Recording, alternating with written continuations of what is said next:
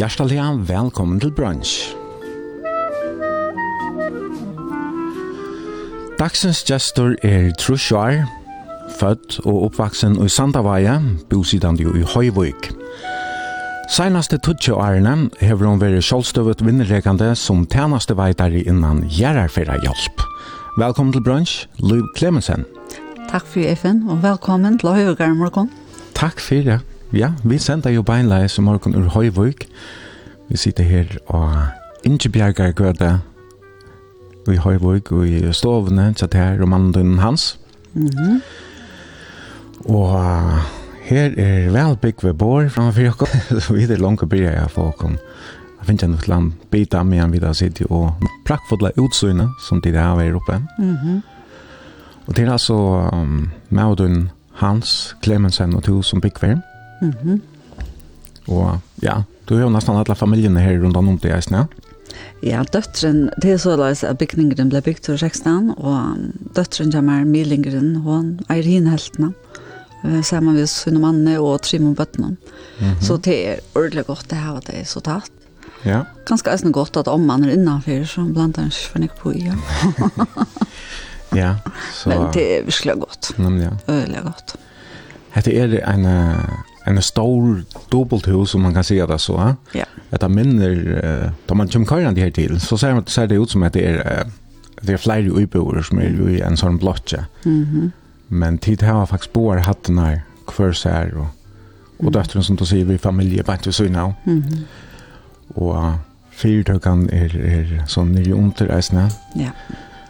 Men eh det är en rättliga stor hus. Alltså det är kan det det alltså areal man väl en 300 kvadratmeter. Kanske en 120 past eller kan? Ja, alltså nej det är det är 300 alltså är är det rundan om och så äger vi tvärhatter så vi äger omlag 300 past. Ja, okej, okay, ja. Det hela äger så ut en pasta och har handel. Hon mm. gör alvera.mf och i handeln eller så till Sara. Ja, och resten av bygget är vi tar så Det meste av kjattleren er i samband med virke, tjokk. Ja. Men her er rumlet opp, ja. Men det er ordentlig deilig at alle familien er. Ja, det må man säga. Mm. Titta har så byggt det i husene samman så ja. familjen til döttrarna och och och tid. Mhm. Mm eh, -hmm. uh, när var det att de kjøpte det grundstycke? Ehm um, faktiskt var det så att vi skrev och knat i 2011. Okej. Okay. Jag ser så utställningarna och kanskje, det var en viss til byrja, ja, men mm. vi drømte om kanskje gjøre akkurat, og vi drømte om at få en hus her som man har sin utsikt. Ja. Um, det, det var nok det, og så sette jeg meg bare av det, han spurte til ønsken stå av det, men det ble jo skjønt mest for noe i 15, 16, 16. Ja, okay. April 16 var endelig godkjent at uh, Sundermøtterlegeringen ble, og da får vi bare ikke gongt. Ok, så det blir jo bitcha ta i 15? Alltså vi eh, började i fäcka det från matrikelstånd i halvtid och sist i, i april månad och första maj så, så låg Reimann ute och vi fick gå utkänt att vi kom förra gångt. Ja, okej. Okay.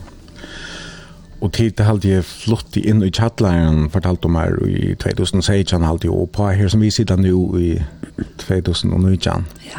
Och jag tror att jag flott och väl inrättad i hus, må jag säga. Det är ju, spelade nog Och så har du ett framurskärande utsyn i Eisne som, mm. som du ganska nämnt. Alltså vi suttar ju i blir alla havna mm. faktiskt. Da, och mm. alla nölsefjör, alla nölsödna. Mm. Lugga ut archer och, och allt det som är i mittlen. Så husen ligger sånt du då. Det ligger nog så overliga. Vi suttar man och kyrkjetorn i Høyvika kyrkje, og det virker som om at uh, vi er egna hatt, egna hatt vi, vi toppen av kyrkjetornene. Ja. ja. Så, ja. Men det är øyelig flott. Alltså, jag vill si att at nu sommer kommer och solen kommer fram. Mm. Alltså det är fantastiskt att man tuller upp det. Alltså det är. Ja. Man kan man blir ikke mett av. Nei, det är solen kommer opp. Mm. mm. Ja. Och så selv sällspel i at man vet inte kan Ja. ja. Mm. Det är omvändligt flott. Balsam för sjalene. Ja, ja, men det er tycker vi på. Det er i visst unga jo ju. Mm. Att det är som, som jeg nämnde jo nytt alt sammen, og til, til øyla nytt høymans innrætta, men allukka leisen rettelig klassisk, og tog jeg lest alt, ja. Mm -hmm. Så her, vi sitter i en stove, her er øyla høyt loftet, må være en, kvart, fem meter lakskjørt, fyra meter opp til loftet. Minst det pur, litt, altså, det, det er tjej en halva meter, er sånn, trutja meter ganska, trutja er också. Ja, jag halda viskar hackrikus, men det luftet och åpe. Stor vinter, ja. Som, som gänga från loft till golv nästan vid utsåg någon i Atlantelsia för och havna. Mm. Och så är det betongvetcher, mm. parstvist maleier, och sen är det som skoreier, mm. väldigt flott. Men allikevel, altså du tar hur man vanliga troplägar vid jorden inne, så det har vi det inte här. Nej. Det har så Ekofon. Kvitt, ja. Så kvitt, så ekofonplater, akustikkloft, ja. som gjør et øyelig beheiligt og, og godt jo her i rummet. Mm -hmm. Ja. Så jeg hadde et spot der reisende fra loften om til, til Jås, og så her er, det godt Jås reisende. Mm. Ja, ja. Og så sjåan det kommer nek vindt jøkken rodane. Ja, men sommer brukar vi det nok ikke nek, men om vetren er det brakkfullt det han er glede Ja. Men her er det flott innrettet. Eh det är ja alltså jag tänker om det kunde Lucas ska säga så som inte när på bättre eller kvinna eller också är det du själv som som har inrätta och valt detta försäljare? Ja.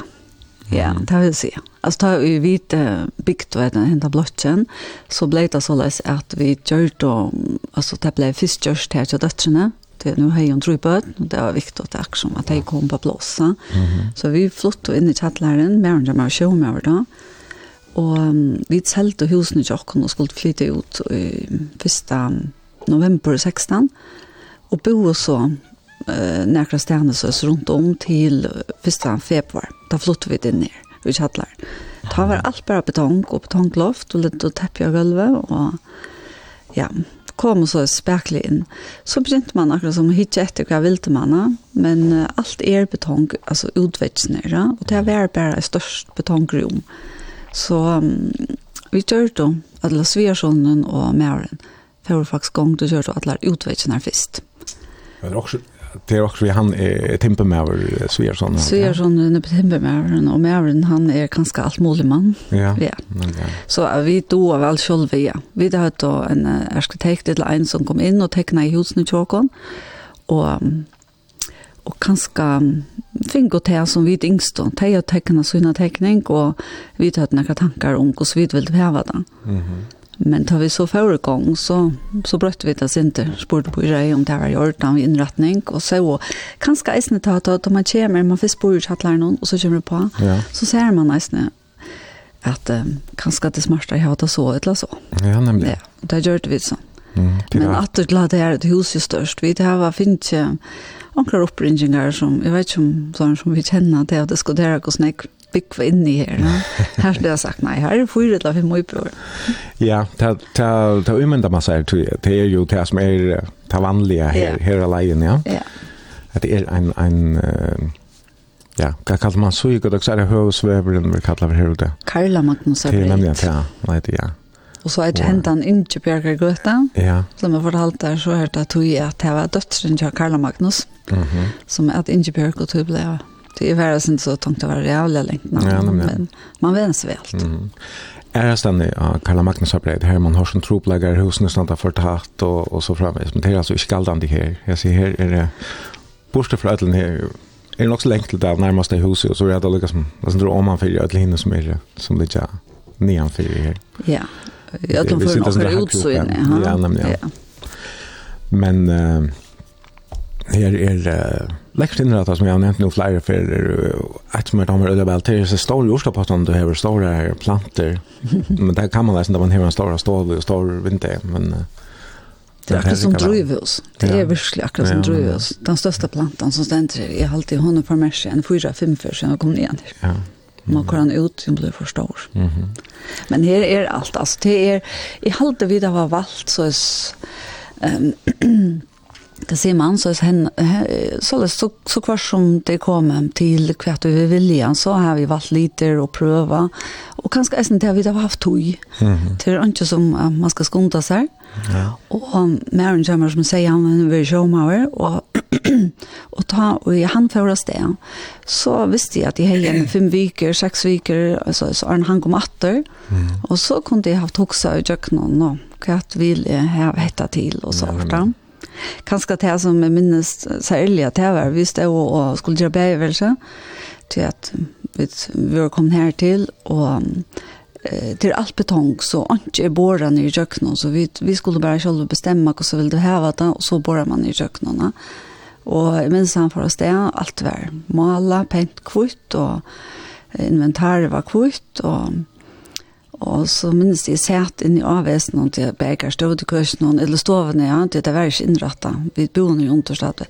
Så tenkte jeg, nei, jeg får se kvitt av etter og alt kvitt. Så jeg får ut og kjøpte mer, jeg sier, grav og malingsene som mm -hmm. lyds ganske sent i betong, og så fikk vi et så brun og lenk og flisene som vi det her i avvesen. Mm, ja, men, ja. Så ble det helt brøtt. Lekker lite, og her er så etter, så ja, betongskuret, yeah. skulle jag vet inte men så reisende grönt måla Men vi kunde snacka en hela sending per om, om heimet kjaddik ned.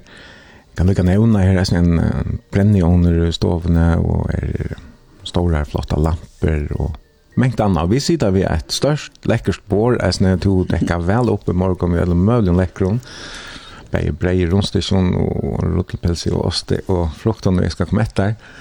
Og så er det akkur spennende vi får prøve og det. Man har løtt i akkur to kjøpt, hva er det, at, Gran Canaria, eller hva er det? Du har to kjøpt akkur sted. Ja. Er det slag syltetøy, eller marmelade, eller hva? Ja, det var kort opp i fjøtlen her, så var det akkur som framleite, et eller annet, så stod Og så kjøpte vi for å prøve. Ja. Jeg vet hvordan det smakker. Okay. Så nå slapp du å prøve. Ja, men det gleder jeg meg til.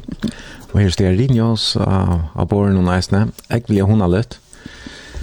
Og her bygg var så to og hans. Ja. Men uh, det var ikke alltid bo her. Uh, men når møttes dit? Jeg og hans, vi har gift 42 år nå, så at, uh, vi møttes da posthus noen. For nytt på Norren, så gjerne. Mm -hmm. Jeg flyttet til Havner, og så eh arbeidet jeg stod at i en bokhandel, og så får jeg posthuset. Kan det passe at det var en Nudjalfjers, eller her, eller? Ja. Ja? Ja. Det var det. Og, og til våre stærsfeller er til posthuset. Ja, han svär ut på spa och vi var inne, ja. Ja, okay. ja. Mm -hmm. Så var det sikkert noen biltur og shorts. Ja, ja, ja. Jeg skulle køres hjem. ja. ja. Og det blev altså gift i Einofors, ja? Ja, november i Einofors. Ja. Men det der var som, så det ikke alltid bo her. Og Nei. det visste husene som de uh, bo i, de lå i Geilartun, alt, ja? Ja. Det var, det er ja. Vi, mm -hmm. Det var en rettjus vi kjøpte om. Vi kjøpte det ta, og prøysen var 500 000. Det var i det, så tenkte man, oi, 500 000, men det var lønn ikke så høy. Ha? Nei. Jeg vet ikke ordentlig, men jeg minnes da jeg rotet i ut ut den neste husen, og da vi flyttet herfra, ha? som for alltid at, at ta alltid lønnen til hans månedslønn var om 13 000.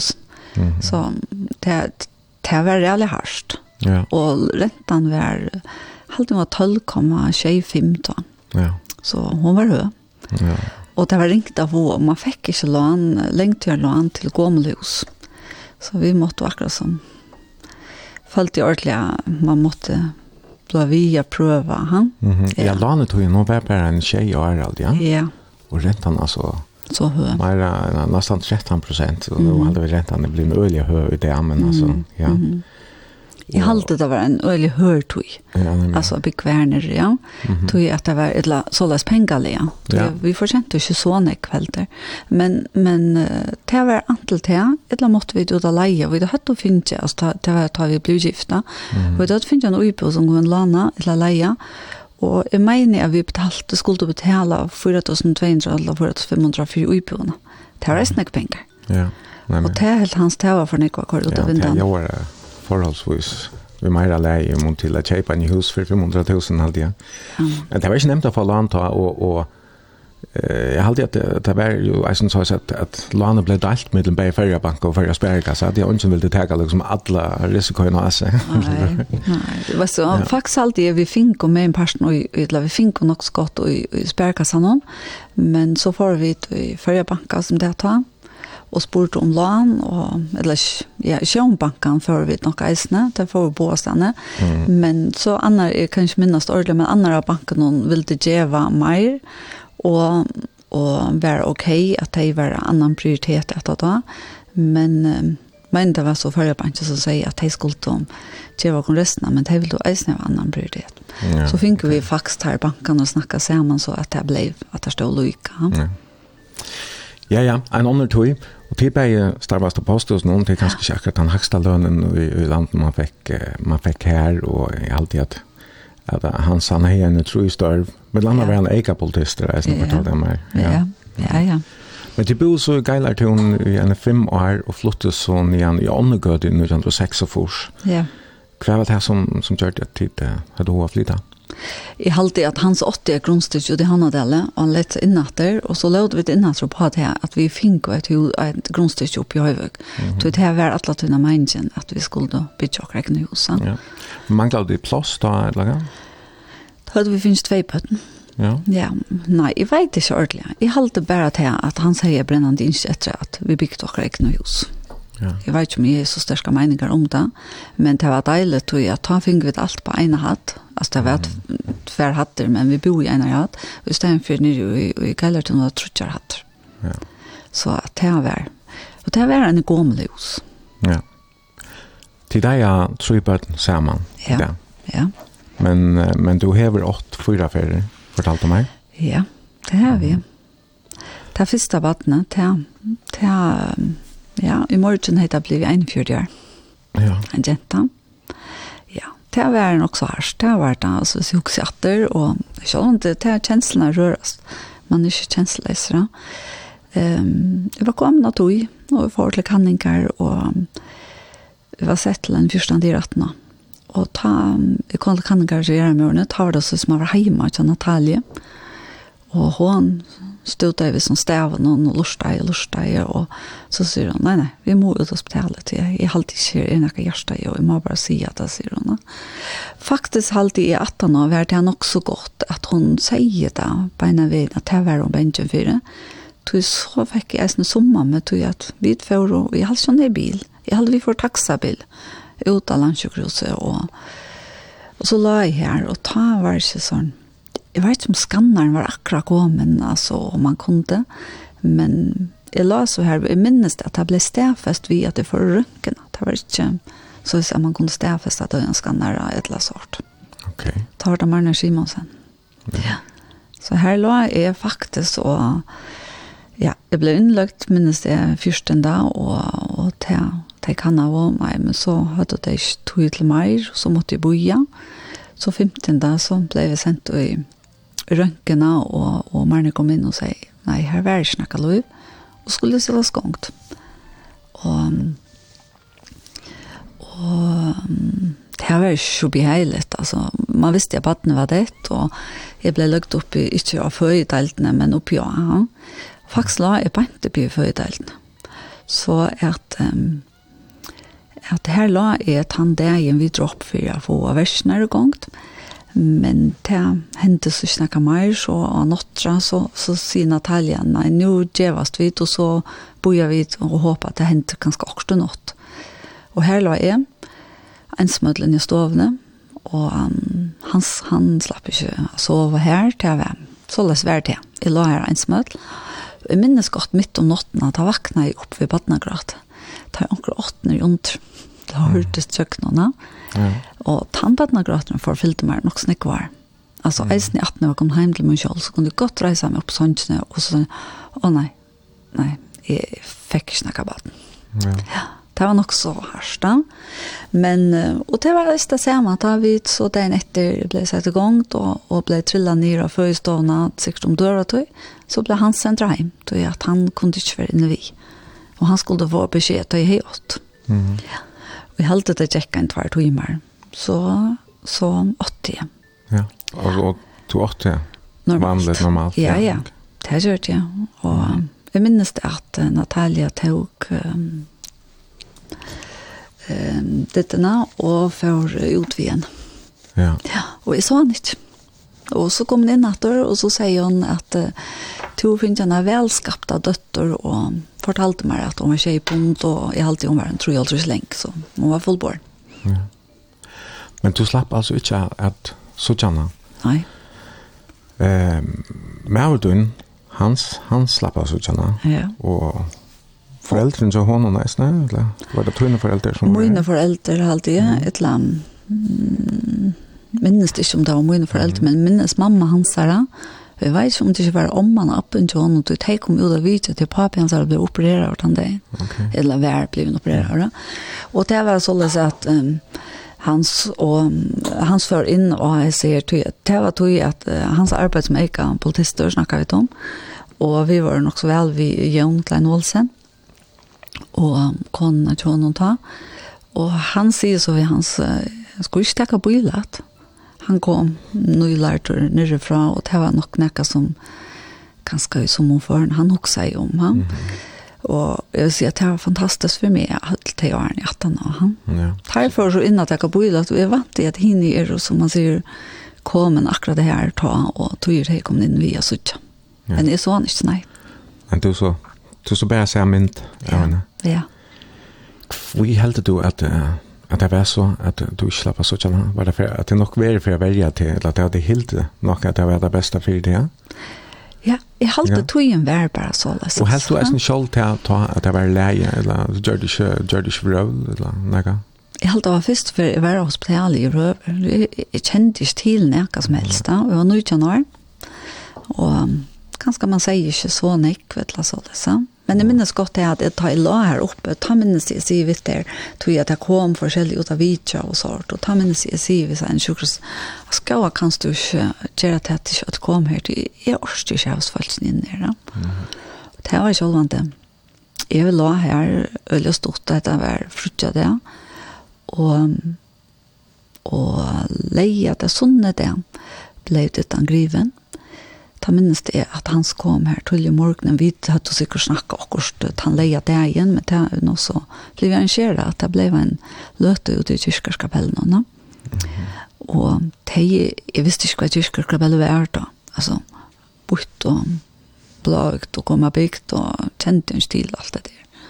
Og, og så minnes det jeg lukket å gjøre med den da Natalia kom inn til meg. um, sånn morgen, og så sier hun, Ehm kui er det blivit avgjørst at hon langt og fer, vi har ikke kannan ordentligt. Så sier jeg, nei, men det vet jeg ikke, men tantrissan som var, det var en som kom, som jeg fikk av vita, som fikk beskjed om det. Hon har sagt ved hans, nei, nei, vi er i lio frutja kvölde, at nei, nei, vi kunne gått til, kunne gå fra stavien. Mm. At det var miskyldninger da. Og det var rævlig hardt.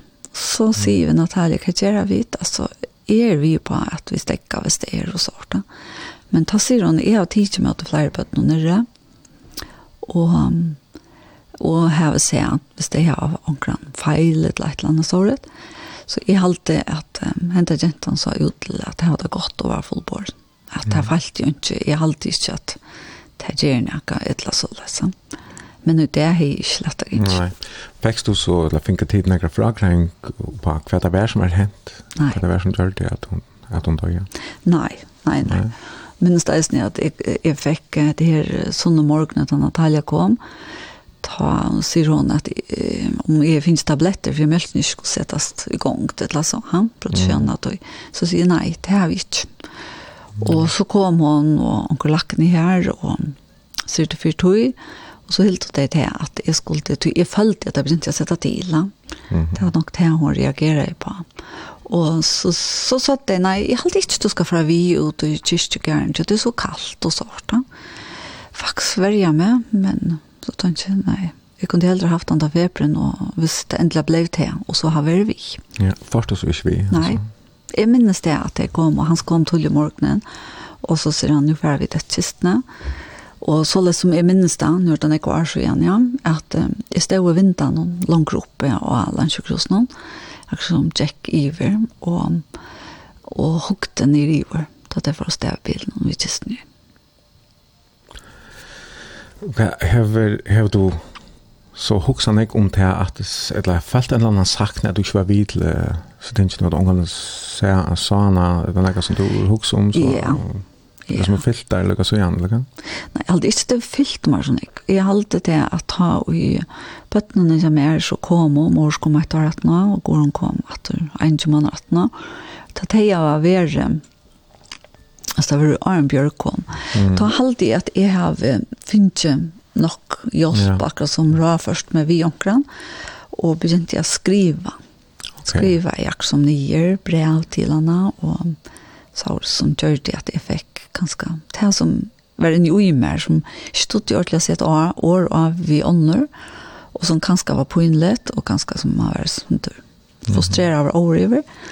Akkurat som jeg fikk skriva det, nyer. Skriva det ut ur kroppen og, ja, det er alltid. Men, men, men det er her, altså det rører vi i, ja. Ja. ja du fortalte meg at du saknar en, at, at jeg hadde omgående slappa haltene og mm. klemmene mm. som, som er hinnes sluppe. Ja. Det er omstående jo helt øvelse ut av fødeltene, og man gjør uh, tingene nesten motsatt. Ja.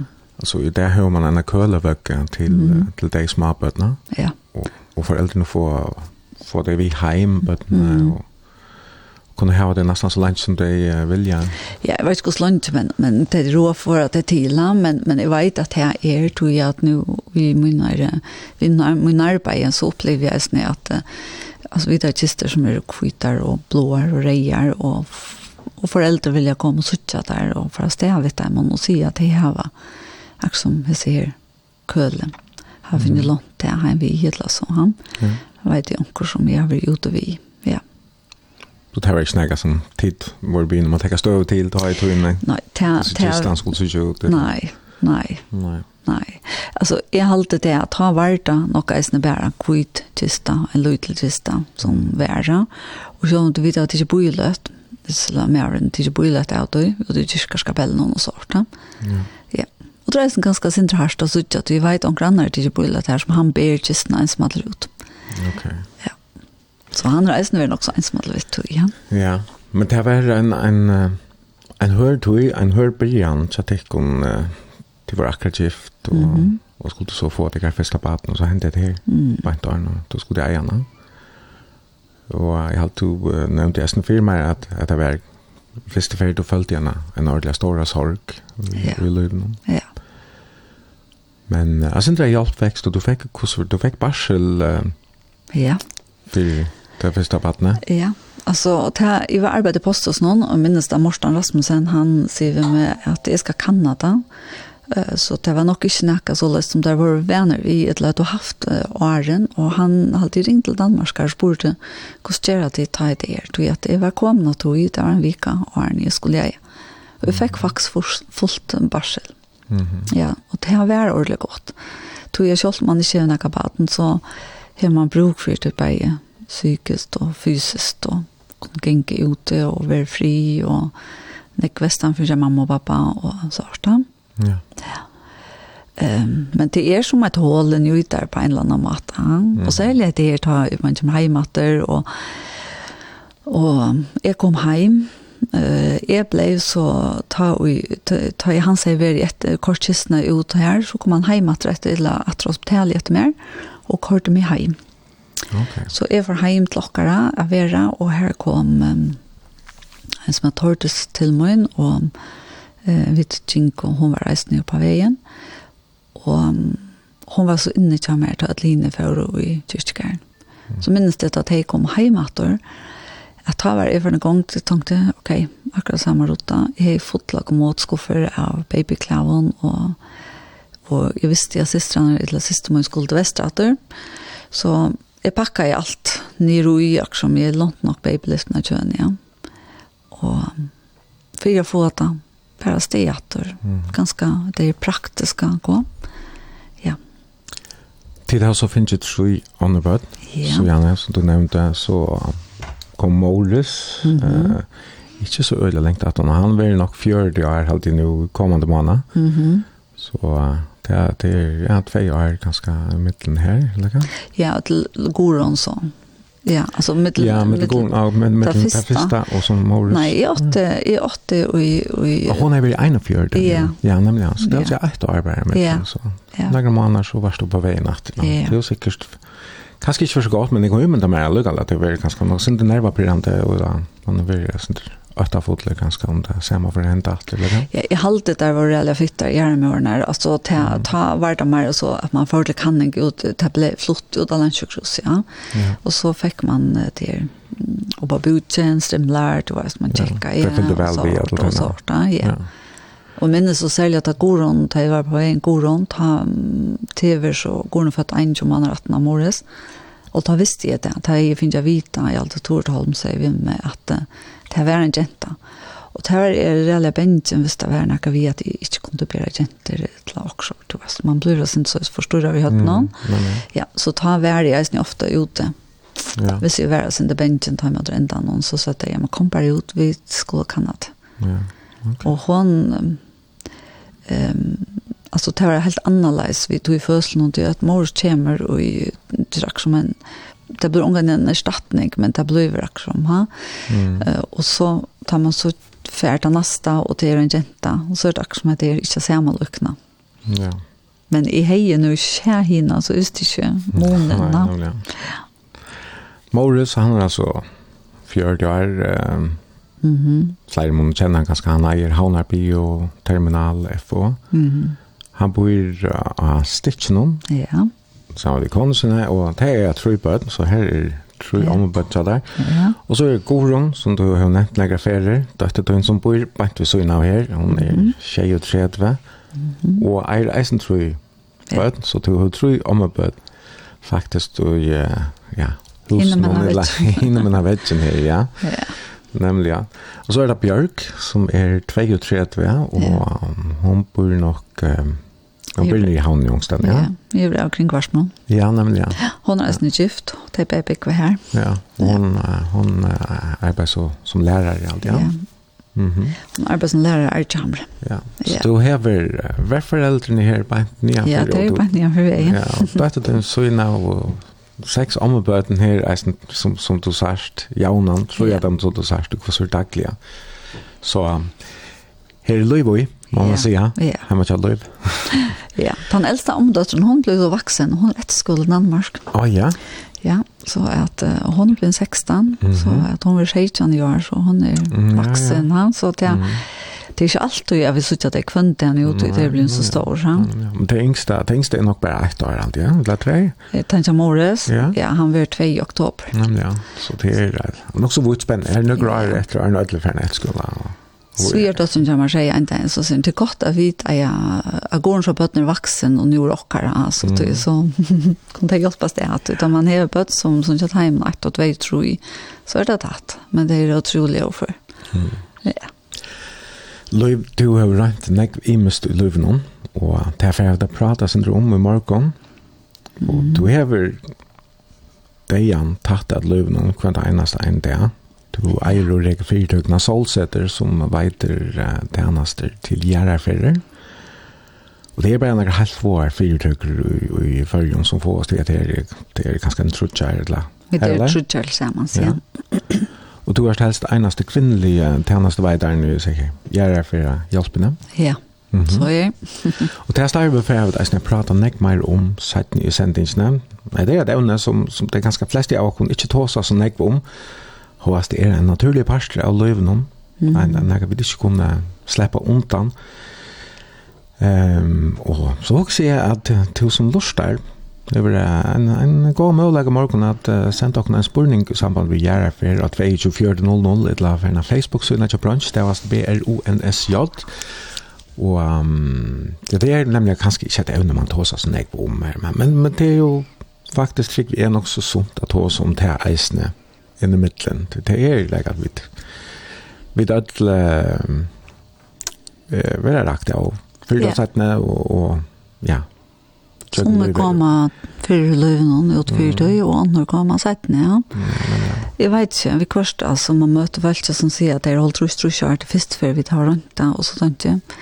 Ja, men jeg vet ikke om man kan si at det er heldig, men det er skåne i på en måte, Mm. det er for som er her som det er helt ung, så vi tepper ikke. To undan og, og større sorg kommer inn i løven, ja. ja. Vi får prate nek mer om det. Settene. Ja. Så fer jeg leisen at spela tonelike, du har valgt nekka sanger til sendingsna. Og hva sier, fast du nekka vi tonelike sjolv, altså spela du på nekka jofer, eller synker du, eller? Nei, synger vi ombøtna. Ja. Det har vi alt gjort. Så synger jeg nekka vi kors bil og såret, ganske etter for at det er fri. Mm -hmm. Nei, det er ikke nekka sånn. Lortet du nekka tonelike? Ja. Nei, det gjør jeg ikke. Jeg holder særlig så igjen jeg begynte å arbeide ved solsetter, så er det ofte det at det fytler så renig, og tar det så er fri, eller så, så, så dammer ordentlig vel eisen til frier. Og hvis det er noen til så er det nok så roligt. Mm -hmm. Ja. Ja. Du har valgt uh, nok som jeg først ja, til uh, sentingsene i dag. Ja, akkurat utlengst eisene. Akkurat fri er litt med, akkurat som jeg er sint om løvlet eisene. Den første sankeren som du klarer her, han heter Gå minner ryka om løyve. Ja. Hvor har du valgt akkurat hendt sangen? Alltså jag hade han också innerligare och ta i höjde så också något snack om pappa min. Det han var en sån som var alltså han var sjömäver men ta i han läs på land så och ta han var hemma så minns det alltid att heita, och um, omsorgsfotla och att han också en om okkon. Ja, mm -hmm. og da vi flyttet til havner, så vil jeg si at altså, han ringte nesten kvendt det og sier, jo, hva sier jeg at jeg ikke skonket det og sånt, han, til han får alt for dårlig og min nerver. Ja. Det var 22 år han døy. Ja. ja, men jeg halte vi slå høyre her, og det er Lisa Fredriksberg som synker sammen vi Terja Vestergaard. Gå minner, ryka om livet.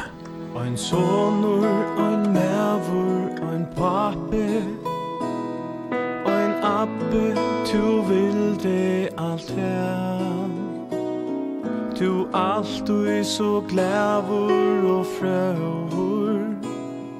Vi smule alt vær som eit spær. Tu stærke og trufaste mævur. Tu brottliga fra okkom før Tu smulande alt du så glævur Rúg minner til sorgin er stau Gau minner rúg kan luive Hvor løtta så dyra bære Luive er verdt ut at liva Ta herre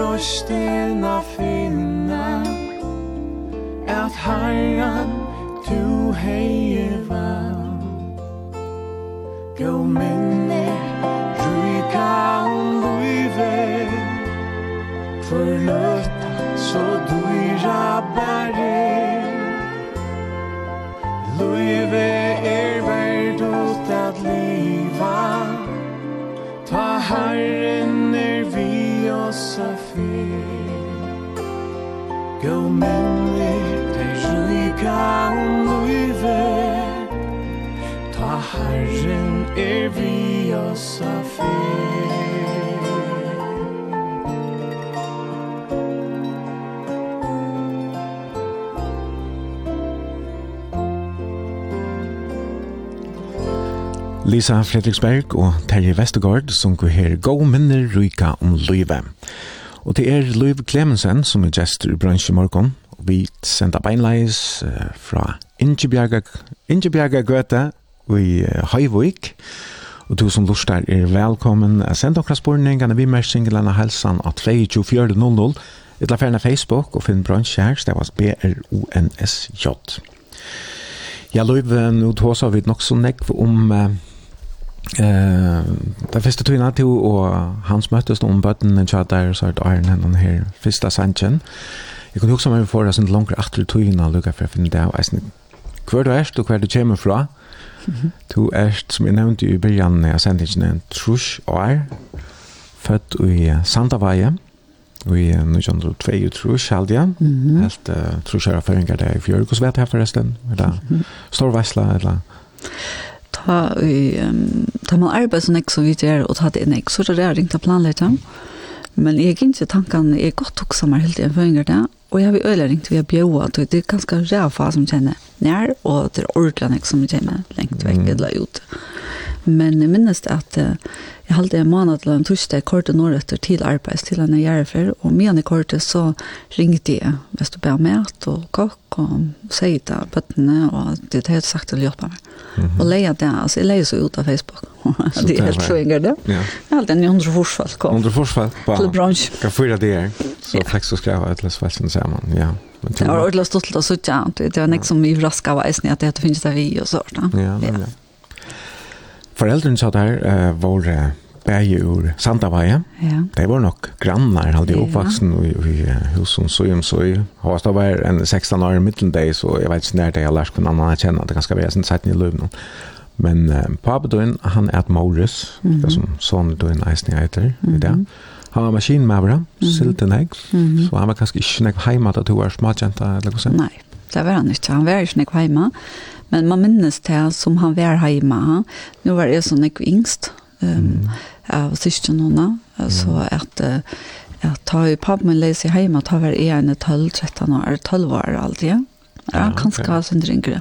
Så du kanskje opplever han, synder, finnes jeg synder mer av honom enn en syskjene? Helt sikkert. Mm -hmm. Minnes alltid som måttene som vi bare så ut. Han snakker ikke snakk, men så at vi bare om måttene og vi kakspår. Ja. Og mamma, du hon eh att Heinina. Ja. Ja, sunt det särskilt nej, jag hade jag hørt det för akkurat det navnet. Nei. Men jeg hadde etter en som heter Heine, ja. så Heinina. Mhm. Mm Thomasen var hun nok døpt, döpt mm -hmm. och var det snur Santa Vej som sagt. Det var ja. jo grannar, ja. Ja. Og um, hon var uh, heimagengande de første årene i Kåsura? Ja, jeg halte mamma for første ut arbeid av flekker hvis du kommer østre. Og det har jeg vært om ta tøyne i for skola. Mm -hmm. Ja. Men jeg minnes det ordentlig som baden, altså, at det er, det man snakker om det, til poppar opp akkurat nå. Ha? Jeg minnes godt det at jeg, mamma og en flekker skulle kjelt i helt av å komme hjem. Og ikke var en mm. slangt skulle ta en gønnsene så før utdagsdagen eller så. Ha? Ja, det er ikke det samme. Nei. Hvordan er om og appen hei du er det her som smaker jenta? Nei, altså omene som er boer det er åren er kom til og, og den ene appen er sånn, hei en eh, appa, en gamla appa vill jag säga som bor här i bygden. Okej. Okay. Ja. ja. Ja, du är uh, yngst av fyra systrarna. Mm. Äldst, uh, äldster er bara din son, Johansen, han är 14 år äldre än du. Mhm. Och han bor så en i Santa ja? Ja, alltså inte Santa Vare, inte han. ja, okej. Okay. Um, och så är det Siste du en frutjer, Tausen, som er tutsjar eldre, hun bor her vestre, eisne, som så flott til Sørvoks, ja. Mm. Og, og så er det Sanna Akselsen som er tjejer eldre enn Tua, mm -hmm. bor i Eisen Sandhavai. Ja. Så er det sindre aldersmåne mellom te og tunne sysken, så det er jo ganske ikke te du spalte mest sammen vi, men hvordan var badendommen, hvordan var det å vekse opp i Sandhavai? jeg har alltid vært ordentlig godt å vekse opp upp sådana vägar. Vi var redan i jonne. Altså, agen var til steg i halvtid som vi spalt og nikk var og så var det Vøtleren. Vi nå bor vi i Gillion. Mm Så det var så nær til alt et eller så liksom. Mm -hmm. Og, og jeg er ut og hoppa band og var på lastik som jeg kjørte da. Og det som er på vei oppe i Gjørskvald i Høttene var det var minnes hos vi gikk og eh, i New Dillion, jentene og spalte handel, fink og ting som foreldrene hadde tømt eller mammene ta. Mm -hmm. Hadde tømt kasser og, og eller papperstyr, eller det som man brukte inn i alt. Og så kjøpte vi fra hverandre. Ja, det er jo er, det er jo er egentlig stort lett. Men du spurte mig en om och det är men men i henne fastor mm. som var öliga tatt knutt till allt och och här var hon får ut 2004. Ja, hon, hon bor i Santa Bajas. Ja. Ja, pappa den døde unge i Nudjofors. Ja. Og mamma døde i 93. Nei, mamma døde i 4. Hon dog i fjör. Ja. Och när jag ska passa jag skrev tror jag hon var tror jag så är Ja, det var. Ja, nämligen. Så jag skrev stickor. Så. Ja. Så henne slapp vi ta var lunch. Ja. Så hon blev hon blev rätt gammal. Mm. Men ehm um, du har ju så onklar onklar gå vinkoner som eh som bor på inte så inne och här en granne yeah. vinkoner med landet ja som du sa snack sen så just en alltså Marion det är också som vi att du vet, om man ikke sast en og tog, så er det akkurat som gjør, at man har snakket, og man kjenner større vel. Mm -hmm. ja. Og jeg var så heldig, jeg vet, jeg var ferdig, det første det jeg ser man, eisene, um, og januar måned, vi tar i måned, og det var vi Marion og Sjure Poulsen, Ja. det bygger vi med vei. Mm, ja. ja. Du fortalte meg at du gikk i sundagsskola, og du gikk til møter, og eisen i kyrkje, ja. vi foreldre noen. Mm -hmm. Og så platt i dag til jeg ferast rundt i fyrjon, mm -hmm. og på et eller annet tidspunkt så kjøpte papet du en, en Volvo Amazon, så han fikk bil. Mm -hmm. Og han brukte nek til å ferast rundt i fyrjon, og var med land i Sore, i Klaksvik og Oronavik. Mm -hmm. Det var sjåmannsheim, det var, jeg halte ikke et hotell. Nei. Vi, mamma og pappa og faster og jeg. Så jeg har fastat allt kamer og tejpa i axeln. Så det fastnade som du, en, som du har haft alltid heia et ett öliga störst samband til. Hun var vi eisen ta. tag. Ja, hon var Hon var, hon var alltid en pastor av åkorna. Hej, jag snäpp pappa bara att kalla gumma. Han kallade det gumma och gubbe. Ja. Jag var faktiskt också vuxen när han fann det att de inte var pär. Alltså att de var, typ man kan säga bara gumma och gubbe. Ja. ja. Okej. Okay. Ja, ja, og det var nek ute i natturene, og jeg hadde jeg du... Då blev jag fiska sig och tjekk hva vad Det var det som det var det stora nok til mamma det var det för fiska. Och jeg har sikkert traun over kvart. jeg vet ikke om jeg var så flink av fiska men det var vi. Ja. och gänga turer och onna och då dishar alltså det är jo de hade trött kom fingre och det här var så stora mynden att jag kan höra. Det är resan till minnena. Det är utav trö hotta och utav dishar brenna en bal og kvart og sønn. Det er badendømsen. Ja, og så et uh, frut her uh, du fortalte meg om det var håndbolter. Ja, det var vi til, jeg har sikkert vært igjen 13 år lakskjorta. Mm. Ja, spalte. Vad det några som var um, populärt alltså väl omtökt. Vi ja. santa var det där men några som fast jingo i. Ja. Det gick inte gå på utrop, men ta var det är snäck hompelt och så det är snö ja. Jag vet inte det är det. Det er det mer fotboll. Ja. Ta var det øvult. Ja, jeg vet ikke ordentlig, men jeg minnes gosser til jeg vidt spalt. Ja. Håndbelt. God som blåsen. Ja, men uh, jeg har aldri for å spille en sang katriat. Mm -hmm. annars, annars enda det vi har vidt uh, sitt etter vi har rikvet sang om alt igjen. og nå skynner solen akkurat, hun skynner klost og bjært inn mm. -hmm. rutan her som vi sitter. Mm. -hmm. Og to valgte vi så den her morgonsson solmen halde du du kallar han. Ja. Nu skulle inne sålen bjärsta. Hvor akkurat hända sanjen? Det är ganska en som är minnes där mamma var en som hon sang och så där. Alltså det var akkurat som jeg tykker vi at hun er då en nekvar sånne førska sanger og sånn at, og, og hun er sunnkje, og ikke så les, det vet, men men ta jo hånd vi gjør snakka og så mm -hmm. Så heter minnet jo av... Hette minnet meg av det, ja. ja. Mm. Ja, men vi høyre salmen her. Nå skal vi inn i salmen Bjerstad, og det er Marion Walles som synger.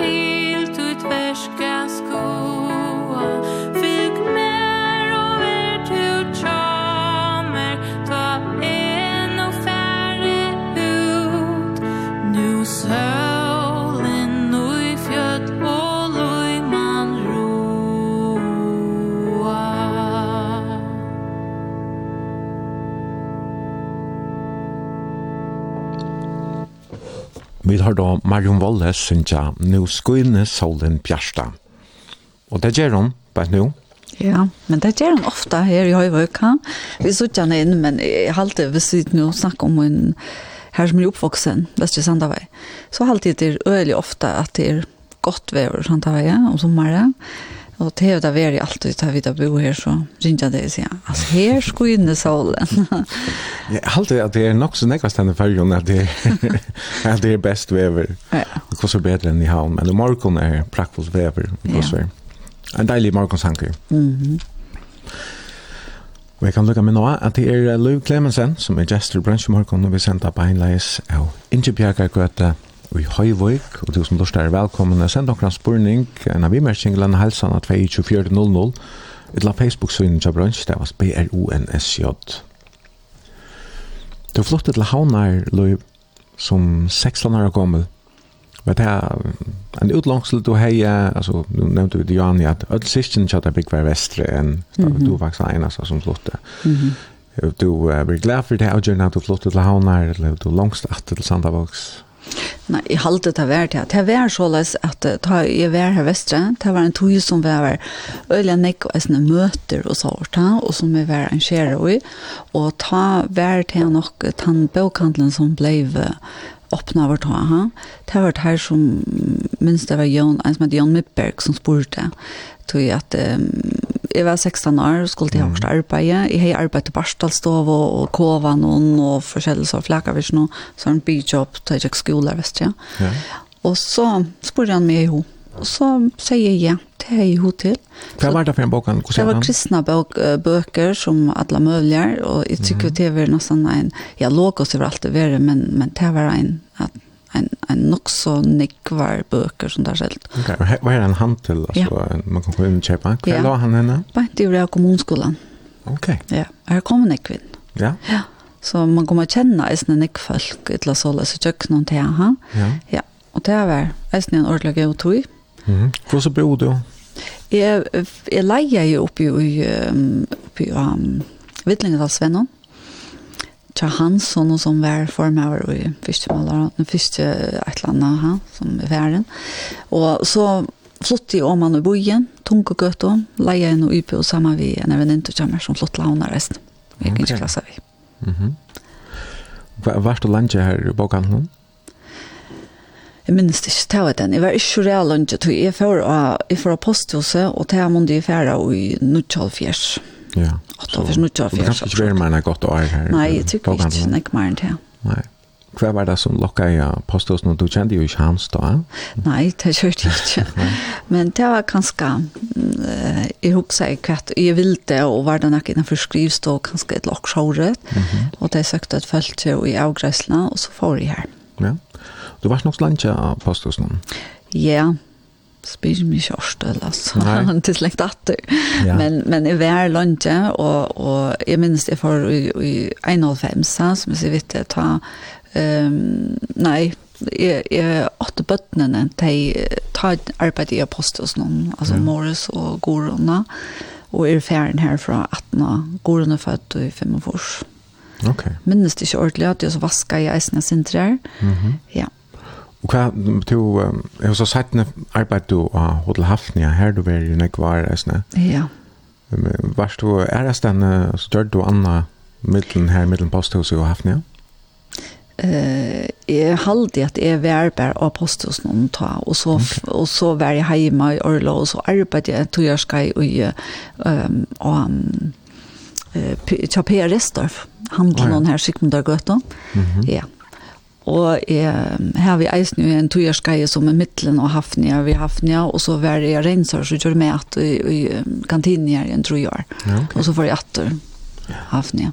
Ja, så nek imisk arbeid, jeg må stande, men hafnia var nok en tog som mange som, som ehm sikkert du lærte noen ting eller hvordan så halte jeg til å være noe som du er glad for til at du innan da vi pratet sammen i jo så Så då sa du flyg för om Hafnia och om Johan Soran, MC Restorf och Esne och hur stort det var att han plattade sin kärnor och mm -hmm. så framvis. MC säger det att han vid arbetade vikskjöt samma andra kurs vikskjöt han och i teg åren, teg ötla förståren var här och det var man kommer att kännas det Mm. Ja, det var akkurat som ekna kast. Han sa, ja, nu vet jag vad det eller nu kan jag och sätta mig. Och så sätter han sig attan för det, som föralder. Så, så sank han för mig. Och, mm. och det var en sjanker som vi ta han. Ja. Det var akkurat det i månaden minst det ena för. Och vi skulle se ofta han kom in och sätta sig och. Ja. Kan du stå? Och jag är som inte har skil för sjanker, men det var... Det har stått litt allukka vel. Ha? Ja. Arbeidet sammen med Gorun Haustein, og så nå Arke som er her inn. Og så Åsa. Åsa er nok når du gikk ved det arbeidet. Nemlig, ja. ja. Men, um, men du først, altså som 16 år gammel til havner at arbeid, og da har du så kunne ja, bei partner skola i Sandavai og, og så Esne av skolan i Gillianes i kveld. Ja. Var det real, eller var det tulsen da? Eller? Nei, det var real. Ok. Ja. Og så først til han er arbeid, men var det på nægget tørspunkt at du husker at du kunne huske deg for skola etter, for gang til en utbygging eller nægget sånt? det var det visst, men, mm. men kanskje, hvis man husker at det er et så, så, så hevet det vært hardt, at man miste baden, og at man fikk, fikk mores ett år, at nå mor sig kolik, han grät nästan i trutja månader. Det, det var en eisen en avbjørn. Man ikke ser på baden, og att halte at det gonger så øyelig godt da man fjer han. Ja. Men, men ta ut, så ta, ta trutja månader og verdier, så, så var det. Då var det ordentligt gott, men det var harst och vi vi hade köpt oss husne. Du vet som för allt rent var hö. Nick var betala. Alltså att lönen hans för till bara till outro. Så så det var nog så så läs harst man kunde också om affära till en utbyggning kan. Så flott vi ner i Höjvikar, sex fors och i andra göttan. Ja. Fick åka hus så sånt. Mm. Och så kom kreppan. 4,5. Ja, det har tatt å arbeide i Hafnia. Ja. Jeg begynte å hafne nye da. Mm -hmm. Ja, bare ikke at han. Det var, det var et tidspunkt her for nye lønn. Ja. Altså. Jeg minnes det at da jeg kom inn, så sa de at de var ødelig villige vi at de får nye løn, og man fikk 4 halv om timen. Ja. Jeg minnes ikke at jeg hadde finnet jo her. Nei, ok. Men, men det er gøy til man til, så har man også arbeid. Ja. Men du tjekk nok vi, eh, jeg noen drømmer om at jeg gjør også annet ganske per gang til oss selv, Ja, det er jo det nok vært, men allikevel så halte jeg at de til så øyelig vel haft, ja, og mm. være all rundt, altså, og så løs, ja. Men så får jeg, så får jeg, og um, fikk jeg den her tanken, jeg skulle være handskolen. Mm -hmm. Så får jeg handskolen. Ja. Det var først i, eller omkring 2000 eller deg. Og hva, visste du langt tak hva det var du alltid bruker utbyggingene til? Slett ikke. Jeg skulle bare prikva meg etter det Mhm. Mm det er nok mer det. Ja. Det er helt ganske ikke klare med så vel. Ja, og det er det så, jeg synes det er bøttene ikke at jeg blir vaksen, og det er ganske spalt inn i sned. Sjølvande, du vet, så var man mer leiser et utla så, ha? og det var eisen så leis at han fikk en chans, um, en god en chans, og i um, 2001-2002 og så rett, mm. som eisen gjør det til at det økonomiske ble latter. Ja. Og hva du, um, du får så han skulle, og Var du eh var du nervös för skola bonka efter att du Värst kom det inte och blev blind tillkommen kan man säga. Mm. Ganska väl sånt äldre än, än det flesta jag hinner nämna någon. Ja. Var det lätt att fälla in lokal och, och... Det var förfärligt ringt av första halvår. Mm. Ja, men så då man kommer känna dig och äsna se att du ska göra uppgifter och man fann det och kvann man rycka i samma vi och och så där så hjälpte det ordentligt väl alltså. Ja. ja. Så att det og så vann jeg det at, at jeg klarer meg fint. Ja. Så jeg kunne godt fortsette, ta var det første ett år. Ja. Så søkte man, så kom man ta tve år og tre, men det tok så jeg tror jeg. Ja, så du er en avtale vitt om at ja. du har taget det tror jeg. Ja. Og hva var det så hvor jeg leser på en av veien hvis du, hva, hva du skulle bruke utbyggelsene til? Nei, faktisk før en handel som hadde inspirasjon til å arbeide og sinter, og så var det det at Bittner, hun var blitt stjør i Hafnia, Bittner og Asa, så ringte hun der og spurte om jeg kunne komme og arbeide som leier i Gøngen. Ja. Og ta, jeg sier nei, jeg kom ikke, men jeg vet ikke, så hei jeg noen innskjer, og ta ringte hun atterskjøtt om, ja, men, eh, hvis du bare tog meg å komme, så kan du arbeide så less. Ja, ok. Det gjør det. Du får så atter av skolabank, først av tekniska skolan nøkker og er sættene, at hun hadde arbeidt her og haft nye i kvett. en tro jeg er, eller? Ja, eller? ja, ja. Så først du at lese framleisle, framleisle tøkne, mm -hmm. SLT hadde man stittet til. Ja. Hva var det som, som gjør det du først gang vi akkurat til utviklingsnavn? Hon tilltalar mig sin tur till ta på flera man tar inte vi att det var en som en mittenlejare utbyggning. Och og jeg var vi og i Nikvon i Muskon, og så man kjipa fire og gjer, og jeg helt at det var ordentlig spennende å suttja og få mer innlitt i. Og så måtte jeg bare finne det og at jeg alt mer bruker det til. Mm. Ja, og det var øyelig godt, og det var, det det var mennende. Vi kom ut av øyelig nok visste i førjen, hvordan man sa, hvordan det framleisla var. Vi var i Øslandet, i Norrøna, og vi var kort rundt her, alle stedene, og så flog vi uh, året etter til, til Rettjavikar, var en 16 virkjen her, og, og at vi fikk en um, ut i skolan, om vil si, jeg fikk en kvarter, hvordan stående man visste, hva skal man huske om, og hva gjør man, og hva er viktig, og hvordan man, og Arabo, han sier alltid minst litt en hatt og ja. Mm. Arabo vet jeg, en av læreren til deg? Ja, Thomas Arabo. Ja. ja Og Jakob Magnussen som uh, eier, eller hever åt nomatek, jeg vet ikke, jeg halte han er her stadvekk. Ok. Ja. Her var det læreren, der var veldig fint. Ja. Og var det, om hette måned at du eisne begynner at uh, uh, få hoskottet til uh, fyrtøkene til Solseter? Ja.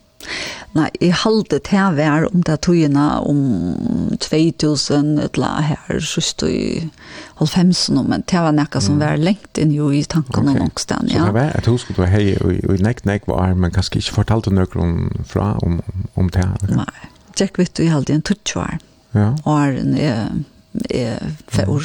Kvar kvar du hur skulle du fram minns du det? Nej. När det kom? Nei. Det var sikkert at jeg har vært nok en sånn eisen som, men vi hjalp meg til.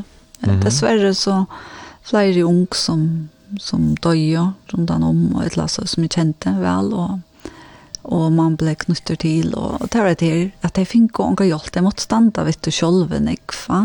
Mm. Jo, jo, folk kom og unge her og unge her, men ikke at det iverskipet jeg, at nå kom jeg, og så hjälper det kom vi öllen aksoma. Mm. Det er alltid att det så som en tørv, men det er nog slås att snacka om och till att det är att man snackar om det igen. Man snackar om att att um, man ska gjøre det som är visst och så där. Mm. Ja. Nej, det är sån løye, men men det är ju rätt nog det är något som är det som man kan vara helt säker på här i løven, det är det man er för dörr og vi missar ju öll mm. av vennene. Ja.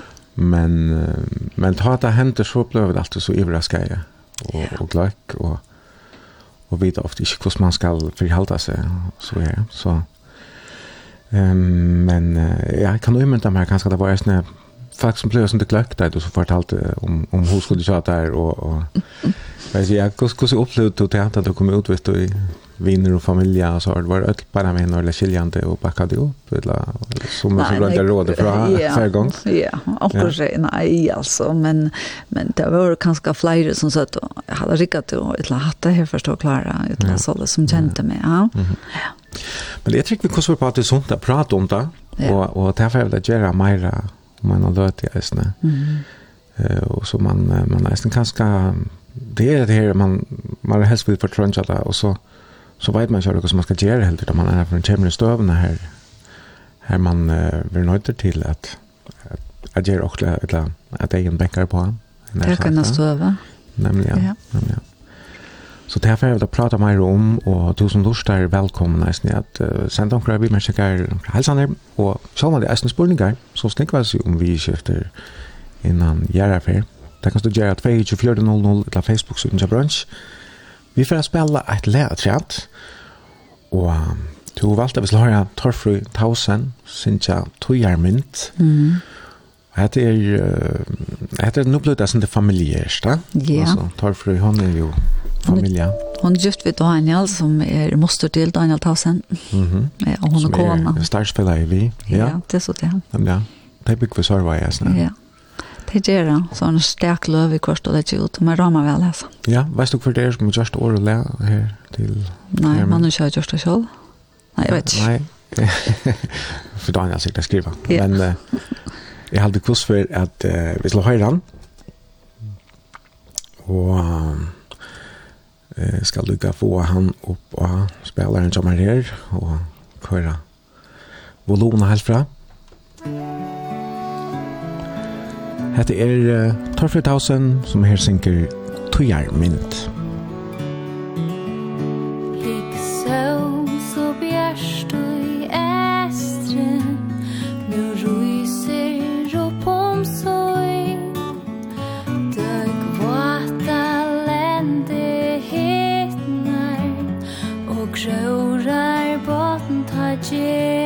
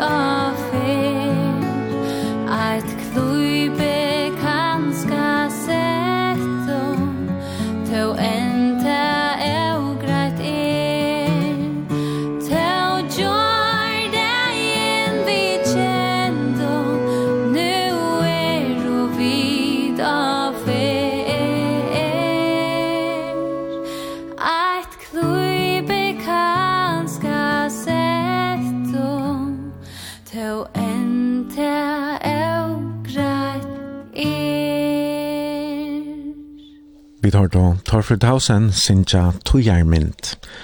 Det er Louis Clemensen som er gestur i bransj i morgon, og vi senda beinleis av Ingebjerga Gøte og i Høyvøyk.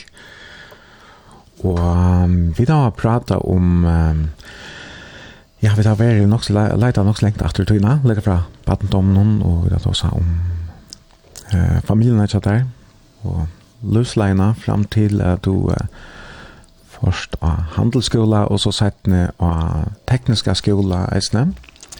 Og det var her to um, uh, fikk uh, liksom, dirve til at trakka fram vi hoskåten om at gjøre en det som man kallar en biemanns fyrirtøke, eller en gjerrarferar hjelp.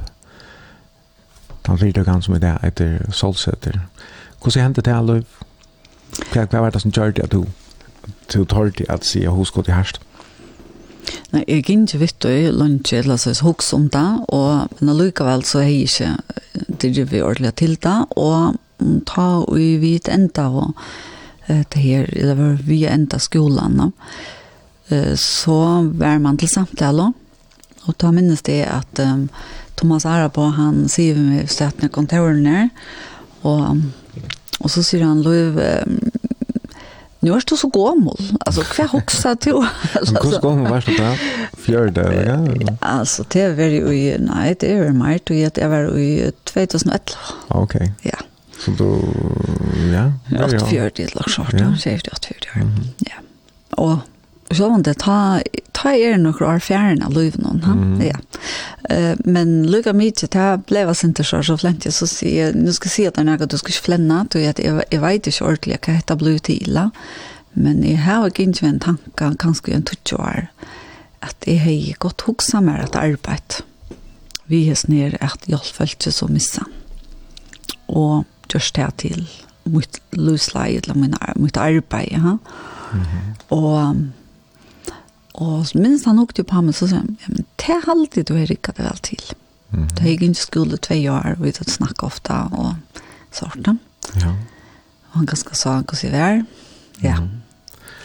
Men hvordan var um, torde du beina han leip du ut eller i veist du om, om, om det nu var realistisk, om man kunne leve av de eisene? Og... Nei, jeg tørte ikke på en av veien affære ut og jeg husker en ikke om det, og jeg vil si at, at uh, akkurat som heter vi, vi tog um, andelig, jeg har alltid betytt nek for meg, ha? altså til en parstra om min og løyve, og til at jeg, gikk, jeg minnes det, jeg gikk ofte ut til jeg gikk tur selv og sånt, så var det akkurat som at jeg, jeg tog seg, vi er god, tog seg Jesus, så sier jeg, altså, nu må jeg få fri hvis det skal være til, ha? Mm -hmm Og, og det følte jeg fikk, og så um, ta seg jeg at vi Thomas Arabo, jeg vet ikke om han ringte et eller annet, og så sier han, men du, jeg, jeg halte at du burde gjøre stoks via det her. Og, og så sier han at du kunne til være nye og arbeid, og vite om, om det så var det. Så faktisk hjelpte jeg meg, vet du, jeg fant de som er atleie meg for nye og arbeid, tror han, i praktikk, og han ringte, og jeg får så, og hette vi 12, Og 18 sommerferien og i tøll, ta for nyer, det var altså støtteren som har arbeid, de var flott nyer, de som bygger ved Sina, de flott nyer i Etlov og boner, jeg tror jeg, da. Så jeg var nyer til de i august, og så for jeg i praktikk, korte faktisk nere møn, et lite sted, steke.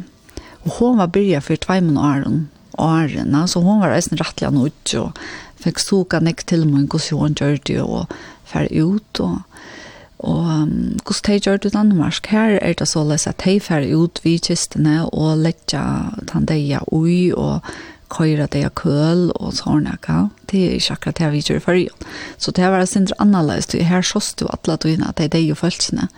Du fer ut og sa til han. Og de som, de som var hjemme, og de som var inne i sjukhusen, så var man en pastor og leie ui eisene vidt hjemme. Altså det var en fra hospitalen, et eller sjukhusen, og det var en alltså hon hjälpte till lite så sägs det ja. Stå här bo jag tog i Danmark är det så som man kör just när in på hospital. Du kör där in och du bojar till när vi lagt och just det där. Okej. Okay. Så här var det och i några veckor Och så valde jag etla Thomas helt Eisne att det var bättre Eisne att färra kanske till norr Jyllands så jag tar kanske lutjes mera förjon och här blir kväsnek förringar. Så vi får i förtlagt som att uh, Tjapakkesen de var jo henne 6-8 ute i fyrtøkene. Ja. Mm -hmm. ja, og vær her, altså, her minst jeg en prest og vær som var pensjonerer, men som arbeidet som, som um, bymever, og jeg kort gjort vi hånden. Og så var jeg eisende ved omkring at han som var yngre, så jeg var akkurat prøver jeg en tro at jeg må være så, på skift sammen vi, for at vi vet hvordan det gjør det. Ja. Så det var eisende avhørst. Og lærerøkt, kan jeg ja, hette? Ja, ja Och som du sier, det, det, det är måneder av, av iskiften i Danmark och i Färjön. Absolut. Men också kanske eisende støtten, eller mångten av folk som eh, kommer att denne gjerne, för i Färjön kunne det att vara, ja, för var det, så, så slipper man kinn kyrkna till det som jag folk, och det är allt och i rettelig fritt av folk. Hur er det här i Danmark? Det var øyla løy å oppleve, særlig nyrsteket. Her, var, her kunne det godt være så at det var avværende, og så en, tvei, tro, jeg, trett. Mm. Og kanskje så det var nok at de bor i kistene. Det var nok så vanlig til i sånn 22 folk. Ja, ja. ok. Eina før var det forsfolk, og det var ordentlig enn til å snakke om det. ja, ja, men uh, det er ikke alt annet innenfor, jeg synes innenfor Brittleip på Anne i Danmark, at uh, det, det blir ikke å være sånn folk som vi der i fyrrjon. Men uh, jeg var så bekvørst at, at det ikke var engang nok, nok av folk her til å bære kistene til måtte liksom, trakke til. Eller? Ja, vi bor litt og vi. Det var ut. Og jeg ja. løg bilen og så. Okay. Ja.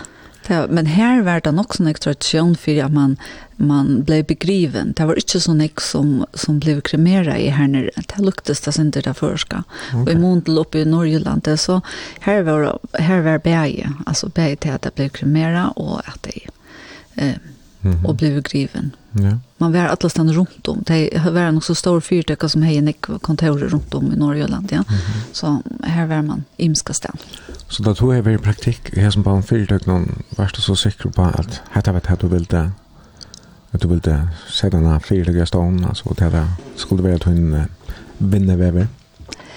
Eh, jag var gosse cykel att i att lägga börja. Mm Og til å være, til og kanskje til at ta i høyver nere, så var det mer så avklare eisene at dette at jeg vil det. Um, men du vet, at blir en av sånne fyrdykker som er så til egentlig til å snakke om at jeg måtte være helt sikker at jeg atleier meg da, tog jeg at um, um, man kunne ikke gjøre oss bare at, du vet som är av fyrtökare. Mm -hmm. Så jag börjar, ja. ja. Vi tog sig av om navn, och vi tog sig om telefonnummer, vi tog sig om hemma så jag tar hästen och fink och allt det här uppe på plats. Ja. Och så börjar vi i januari i 2013. Okej. Okay. Och brukte du så det här, det här sambandet då jag finns i Danmark till leverantörer och annat? Ja, ta vi var nere, ta vi det enda, ta, ta kort vi rundt og, og hukt og vi tar kistefabrikker og sånt, og vi tar hva vi vil, og, og spurt og de som i arbeid tjang hvert ut, de vil råkon til og sånt. Mm. Og hatt er, altså hese støyene som, som jeg nevnte, de har vi jaunan samband vi igjen. Ja. Og vi møtes vi ser oss steke nesten, mm. ikke hverja før, men rettelig ofte. Korona har ju gjort skjort at det var sin steke, men nu har vi sett natt. Ja. Og som du fortalte jo, Johanne så var det flere av tunna nærmeste som uh, rådde derfra at det er kongt. Uh, så det där det kom ganske som et överraskelse tja, som hon. Men hva så var det, altså, tid, tid bor ju till, tid bor jo i, i, i Onnegöde ta. Ja.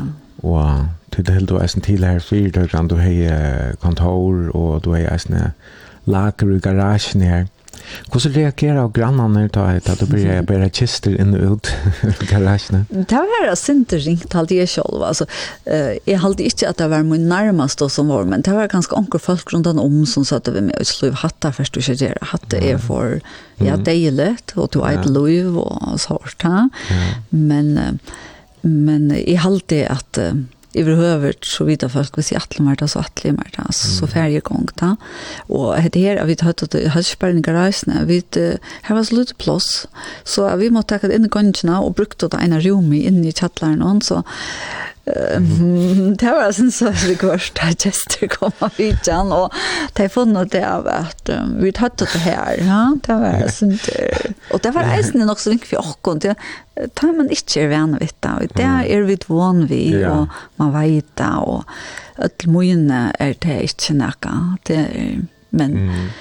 Jeg var altså ikke så løs, huksa jeg om, og vi må kjøre om kveld til at bilen må helt inn og så sånt. Det var ikke flow, det var ikke så sånt om det. Ha? Ja, det var det er ganske enn verre, sånn, snudje deg inn på alt annars. Men jeg kan godt fortelle meg at onker ganske, ja, nå er det atter onker deg, det er Um, men det var alt det gikk några månader så så ja, tog samma så og det var ju så at du miste ikke några vinner eller noe sånt. Nei. Sånt at du är att förstå det. vet du Og du så ikke enkelt da. Nei, Det är det så ja. Nei, men Løyv, jeg halte vi skal spela en sangatriat, og vi skal ta oss enda mer om hvordan det er at arbeid som gjør for hjelp. Mm -hmm. Og um, det er jo nekve sanger som um, som vera jaunan sungner til uh, gjærferder, og i halvdelen her nast er nok ein av taimon han vil nok sungen til alt møvlet, mm. og Fyrir en tvei måneder så han tar valgte lorsteren til kringverpene til Årsens utvarpsitt, så han er utrolig vel domter mm. til Louis og Trønder som, som Sintja. Det er så fint. Det ja. kommer og stille seg opp av Sintja. Og det betyr så nek jeg for de som det er avværende at, at folk kommer som det blir. Ja. Så de, um, de blir å komme alle mitt lahånda resten, ja, ja. Sintja, ja, ja. gjøre for. Ja, ja som nok man mer rätt. jeg skal gjøre det som era synes jeg til. Ja. Vi får prata vad gör man Løte. Nå er det där. Löv och tröntor som får jeg synes jeg. Luttle fåglar. Ta finns en frakt i kvarje ord og i ødlom tui som fallnar bort Her høyres ljå av fågla fer Vi sier rundtje evoter Ta finnas bort i manna hold Vi sier til alt gjertel mål Som nåt ein myrsku. Alt goima mann Du gikje undan Du sleppa kan Men om je suttje Ein lutlan folk Som fyrir lagt A gilt om vondjon Da tætje je han Vi munnen hånden synger true and sun om himla kvar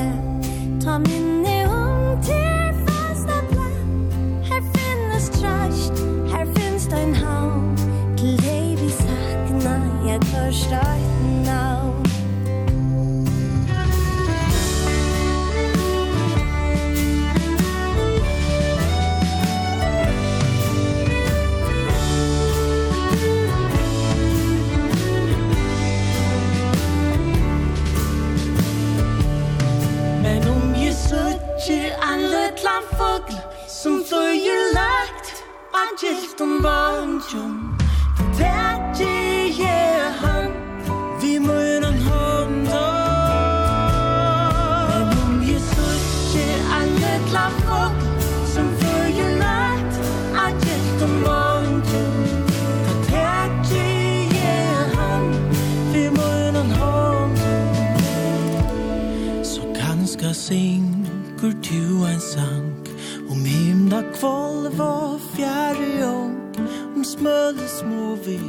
villan ver Og trygga hon at kvilla skjer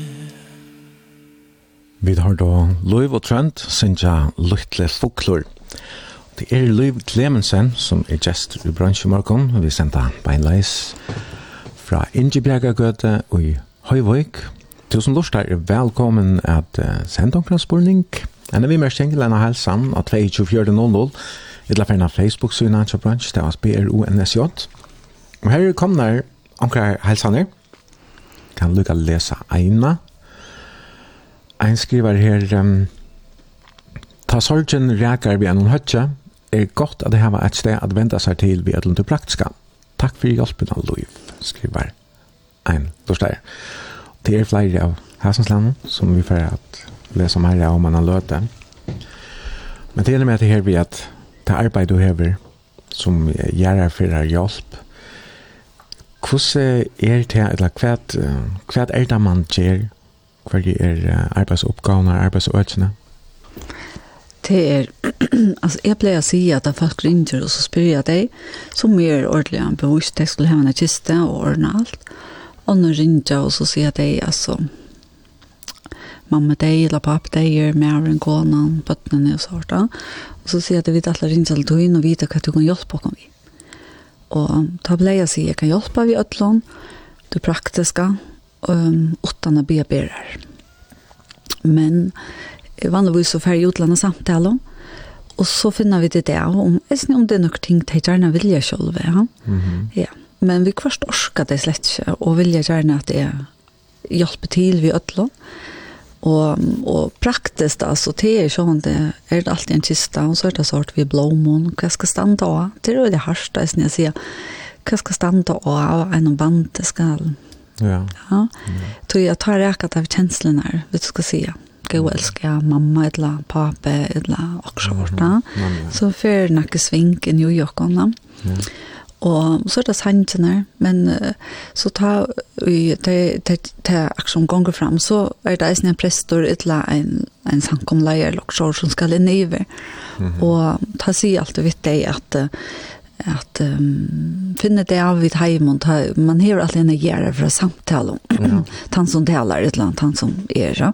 så, så arrangerer jeg sangsene og så får jeg der og så, så blir det jeg sang ble gjørst og typ seg med ja, jeg, har, jeg, som du øyler nekv i mis som man sier um, jeg husker da jeg da du varst praktikk i Danmark var, var det eisen på samme måte her en lukka som gjør alt, eller er det ikke mer spesialisera? Onker tek seg bare av køyringene, onker tek seg bare av skipa fri erve og Nei, det var det ikke her, ta i vært, det var ludelstå, men til dømens er samstarvet nekk vi teia Bispebjerg. Mm -hmm. Og her er det så, så teia er ikke bilar, teia arrangerer om grannar, og teia gjør hine tingene til så, så. Mm. Og her gjør det ikke erver og sorta, hjelpa til vi tog, kanskje mm. bia omgrannar stasjon, et eller annet sorta. Mm. Ja.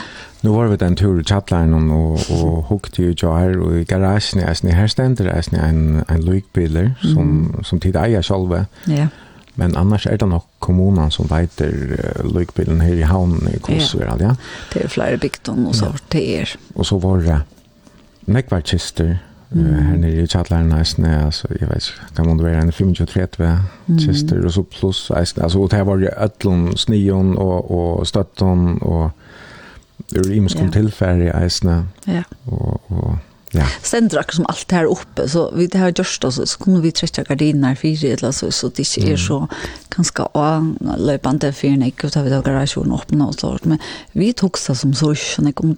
Men vi det er noen kistrinne, der er jo jøsa reier, jøsa blåer, kvitar fra Lutlund, altså. Ja, der små, helt små, ja. kanskje jøsa reier, jøsa blåer. Der, der er opp til fors, altså där er nok trus og forsa, ja tar pikke luttlo, og så kommer det halvvems, 120, 130, og så en vanlig kiste. Ja, og så tar det er der store kisten til vaksen, så er det ganske mer bretten som er Bretten og hatten som er imisk, og teimen som er til tei som, som er også større enn vanlig. Da. Ja. Så har vi det eisne, det er bambuskiste og en valnuttkiste, eller teisløyene, ja. Ja, Og det er fire her og okker som er sindre annerledes, men bambusdystan er nok han som er mest uh, borerdikt, kan man si. Okay. Så det er snakket på kok som er det. Som det skal være grønt, yeah. segna.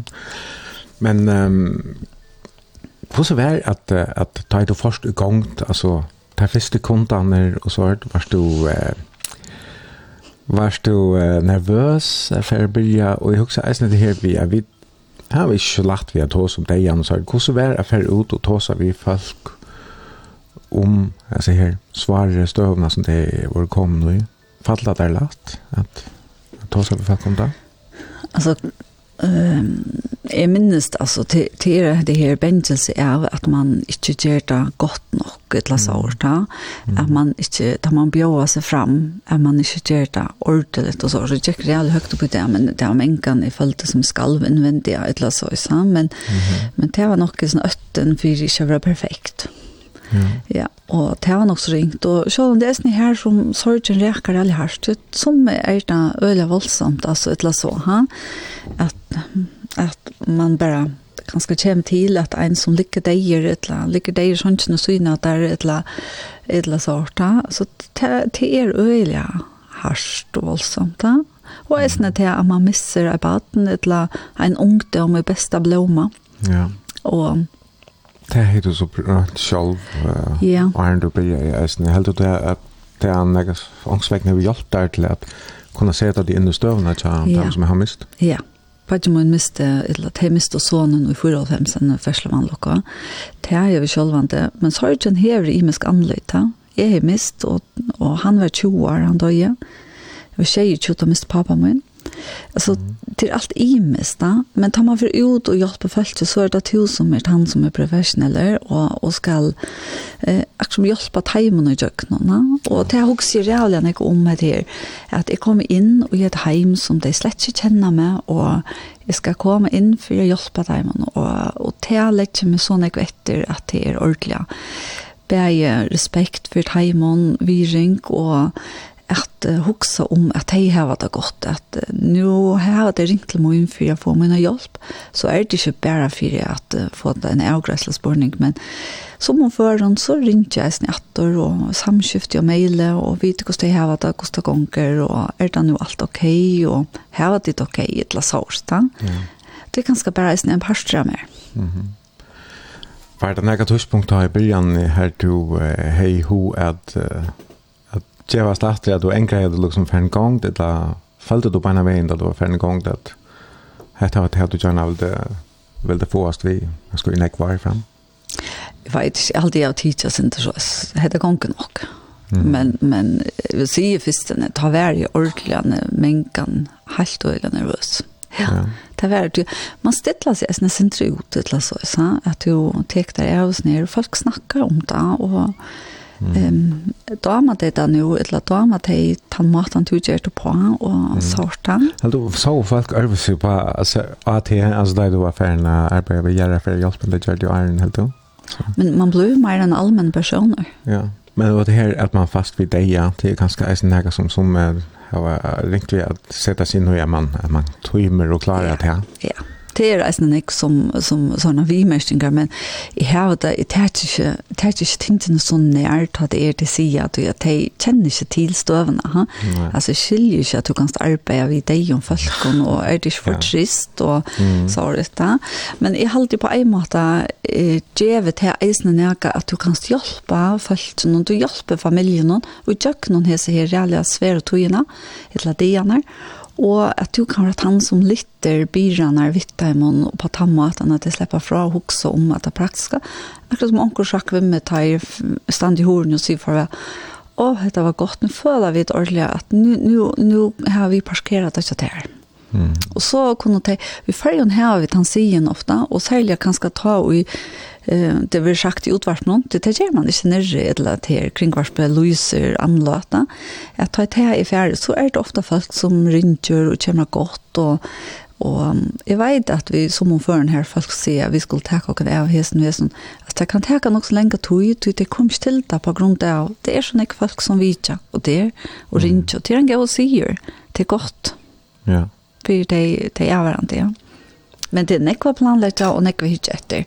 Alltså allt att ska till. Mm. Alltså men det första man gör till alltså till dömes först är nu i i haunene, så är det det första man ska allt till simpelthen att vita om om grävaren och kyrkan att de som spelar samman det är att det rickar. Ja, att att de kommer ta. Ja. Vad väntar man sig då? Alltså man ringer och kyrkan och spyr ber till han göra för att ta. Men det är folk som halta og ja men nu han där och så täljer vi tror jag alla det er, och så kunne vi till.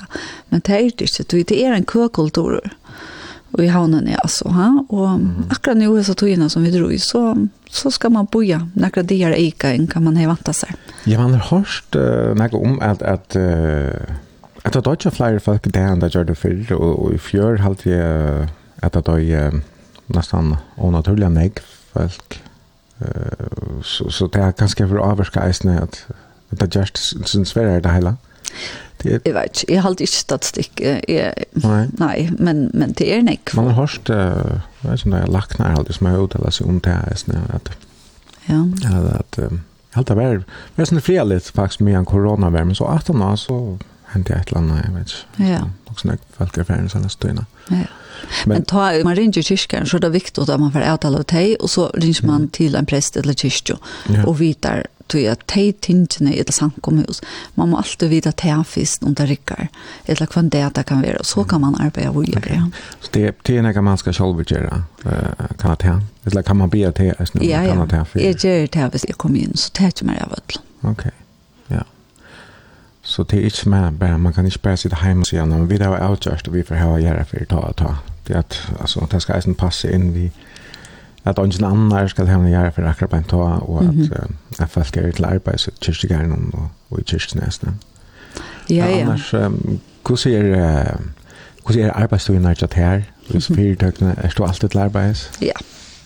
Ja, jag upplever att folk ringer till i morgonen och de kommer ringer till sent om kvällen. Och det är okej. Okay Alltså du är vet jag att har man ker att man häver sorg och sort så så för det bara vi gång snack vad ska ligera och vad ska så det är ju kvar det inte sent om kvällte och så att alla vi bara vi mötas den efter ett lockshorta. Ja. Og det er eisne, det er ikke eisne nirre fra, vi ikke skifter opplever jeg at uh, sånn som er det, jeg rydde sjukker hos noen og ganske alltid lukka, så ringer jeg deg og sier, kan du hjelpe oss? Og det kan jeg godt, jeg har gjort det så at jeg har samstår fast vi, vi er nå i Danmark her i København, Bispebjerg, og folk ringer, og så får jeg alle opplysninger om sendt av Ujerland, og så, og så er det bare en underskrift han skal heve, og så får han hjelpe dem. Og så arrangerer vi dess transporten til førjer, og standa og flåvet til noen til at jeg kommer takk imot. Så her er til et øyla, altså et, et, et brett arbeidsøyde som, som fyrtøkken dekker, som også om det er en personer, primært to, Maudun Hans, han, han hjelper reisen til. Han kom jo, ja. Kom du senast til en annen kjøtt av er to kjall som steg fyrt? Mest altså, ja men mm. bøttene kommer reisende offer og hjelper til, ta det ordentlig, og mm. hans, uh, meg mann fjør, så sier han så opp, og så, så igjen tar jeg han okay. arbeid sammen med mer, tror jeg at det er tungt alt. Ja, og han er jo praktisk, det er ja. alle for oss, vi alt, alt er praktiske. Mm -hmm. Men um, men det her vi at prater vi folk, jeg snu, så er det, um, eh föll stanken som man ska vara i slä sala för en jaisna där man eh arbetar snär ötsnon och så du kör ju eller tatt på folk och det är sorg och tu vill skicka isne och den har något att trösta är sen till att se och som färdig att ja. att blir det blir sen mer upplevt att det ser också upplevt ja men alltså det at man er til stier fyres menneskene ja och och är bara vitt dem i sorgene och att det alltid kunde si at det som fettler inn til dem og være det som de er og eller så. Ha? Jeg må hjelpe dem i kjøkkenen. Mm. Og så er det her, altså hvordan, som vi der så reelle imes, hvordan vi ser ikke og hvordan vi tar det. Ha? Og så er det eisne til at man kanskje hever disse andalige dimensjonene vi, at man, man uh, kviler ui akkurat som at det er til rette som er, det, og at, at uh, at man vet i selv har en nybrustning om at jeg er herfra, så fer jeg hjem til himmels, altså, ha? og, mm. og kanskje gjør det her eisene, det gjør det her lettere for meg, eisene, vi er omme selvfølgelig, ja. ja. Og det er så reallig imisk, og det er så imisk, det har vi finnet egen oppfyrir i min arbeid, vi er så øyelig imisk, og så vidt er og i tog öll tryggva um, på en eller annan mat att du kommer in i dupna av hörnkon så, så är det nek inte att det kommer till hattar. Ja, men det är inte allt som till dem som vill ha en krossa kist. Nej, det är eisen imiska kvart är man tror, alltså vi täva i färgen eisen imis som inte vill ha det här krossrenner Og mm. det er så at vi får alle kister heim, og tror ikke en krosser, lymer av, til Danmark, her spyr man eisne om det vil jeg en krosser hvis det skal være. Og de vet at det er sendt til førjer, som er flest og førjen, så har det korsen krosset. Hvordan de som er samstarve vi. Ja. De vet at det er, hvis du kommer kista til førjer, så, så gjørs du det han vil si har sagt det. Mm. Det er nesten ok. Men hinveien så kan vi deisende folk, eller hjelpe folk ut av landet. Ja tog jeg at um, jeg har opplevd at en ringte til min sånn larsjuker av sjukrosen og skulle til grava snurre og spurte om jeg kunne hjelpe og hvordan så til han før fram. En sånn planlegg simpelthen, sånne egne gjerne Ja, ja. ja. Og her som vi så kjipa fire i Øtland ta i han som var fjæren og gjerne i Danmark og eisne hei han avtala vi mig skulle rinja til te og te stationerna og bya om alltså om det skulle ha smyrbrei og det kunde jag avtala döttrarna og snäck og sånt. Det må vara också det må vara också ringt att håsa vi en alltså en person som vet att ska dodja och och gärna vill planera sin egen göra för. Ja. Okay. Det är så alltså det brukar bara ganska sån det loja det är ju en samråd man vanlig häver. Lägger du? Nei, det er så tabu evne kanskje nek man før, nek før kan snakke slik om det. Mm. Men jeg tror vi tar en man ringer om det og vil gjerne planlegge det. Så er det tog at man har en iverbosning om hva man vil selv, og, og man vet at det er bedre mot det gjennom. Og så er det sånn at uh, jeg har alltid ikke om før her som det gjør det, til det er sånn for jeg latter opp til at heimen som sitter etter. Ja, nemlig ja. Ja, vi får spela en sangaträd och tonläggare är ju, som vi nevnte, Janne, ofta en parsle av gärna för någon löv och, och tröntor till, till sin jaunan. Men uh, det valgte vi skulle høre Jens Marina Hansen, og han er kanskje at han som du møter oftast ja. til det. Ja, altså, i tjøk noen årene så vil jeg si at han er ofta byen, jeg kommer og synes, han var at han som er møtte flest. Ja. For Og den sangen vi får spela nu, er det henda sangen som han uh, pleier å spela. Ja. Etter det. Mm. Aller oftast. Mm -hmm. Ja, men uh, vi får komme fra her til Ken Paulsen som uh, jo skriver teksten. Mm -hmm. Aldias mann sjálfur eier leie. Lukkan er eikodle.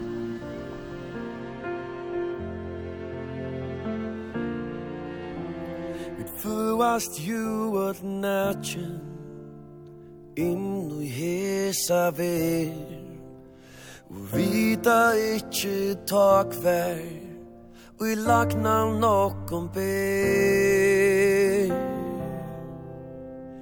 Luivi er så imest Vit fåa her a gjør Lagnan tidsis løyen Stunden er at vun så hör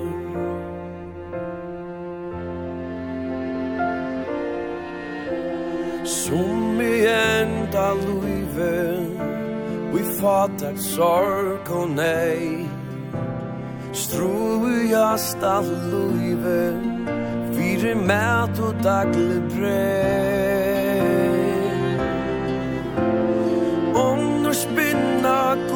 wrong Louis Vuitton just lies Og føla at ei høyra Til læra hakre start Om vi at du en løytar Om all harms is long Vi godle tu ei knuita Kan ekta kærlagsbånd Penin inte tu chepa kan. Per viner och tu vin Tan lutan håner meinings leis Og vær verst et vin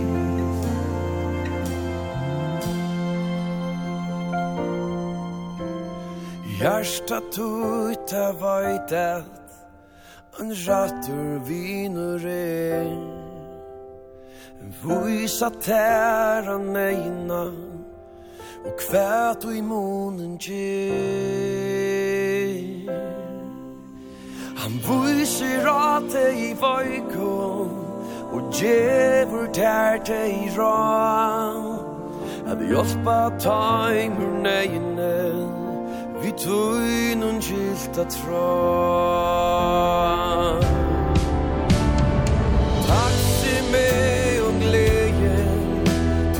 tørra eion sær.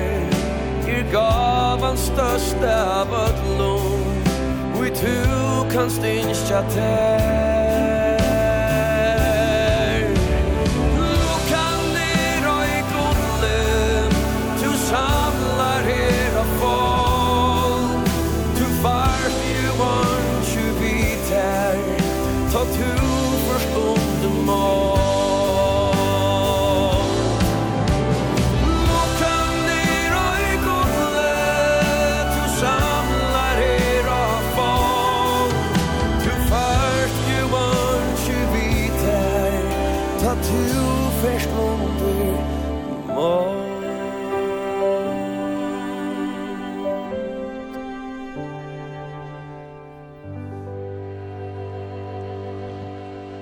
har då Jens Marne Hansen synja Lukkan er ei godle. Og det er Liv Clemensen som er gestor i bransjen morgon, og vi da har sendt nu i kjøtt tvær timer. Tøyen hun kan kjøtt, da man hona seg. Og uh, Liv her er kommet noen helsaner. Det blir framvis til at uh, skriva inn til 2400 eller ferna Facebook-synet til bransj, stavas B-R-O-N-S-J. Her blir det til at uh, Sen tankar spurning kanske i samband med gärna för ett la som är som en hälsa en annan hälsa en annan vimersing. Her er ein som skriver Gåa løyv, du erst fantastisk, et så hjertelig arbeidsskrev. Vi er så omhetelig takksom for alle hjelpene til pape for. Du megnar som ønsken annar av vei være personlig og professionell, ta du hjelper avværende vi gjør for henne. Mamma helsar, vi sitter bare i andakt og lusta etter deg. Takk. Det er altså en lustig av Facebook. Du kan släppa så chatta nok för det er.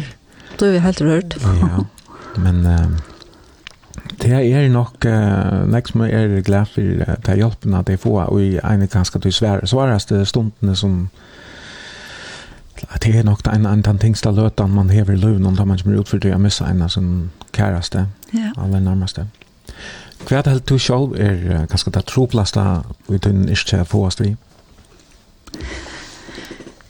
Ja, alltså sorg har väl en imisk alltså den imiska facetter och det imiska anled kan man säga. Ja, öll som missa halta suttit det sväraste. Men jag kan arne så måste jag mitt hjärta huxar ett såles för det öliga störst för teenagern som missa mamma sina. Ja. Ja, och så hon för ner det är snö knutt til henne och sorta. Och det ta kanska mot hjärta är ordliga blött för illa så läsa i följ ordliga.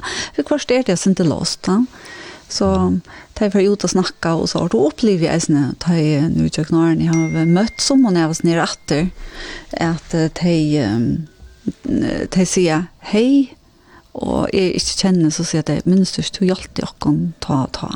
Ja. Ta mamma får Og så vi har vi samskiftet til Robert med og sier, hei Louis, det er sikkert tog jeg at jeg føler, ja, men så du rakt rakt et, liksom. Hvor helt du at det, det sveres vi tannahengen, altså man vil kanskje umynda seg at foreldre som missar sine bød, det er som, som det venter skarpt, det er jo ikke å så at det er ganske negativt svares det. Det er reisende øyelig svårt. Ja. Men, men jeg husker om ta og du er kanskje en 12-13 år, og til du er 20 år, til øyla nekk ting i løyvnån som brøytas ta. Du brøytas ganske mest, altså, ta, og nekk løyve byrjar på en måte, ta vaksna løyve, og ta personen ikke er her, ja? ja. og ganske opp etter.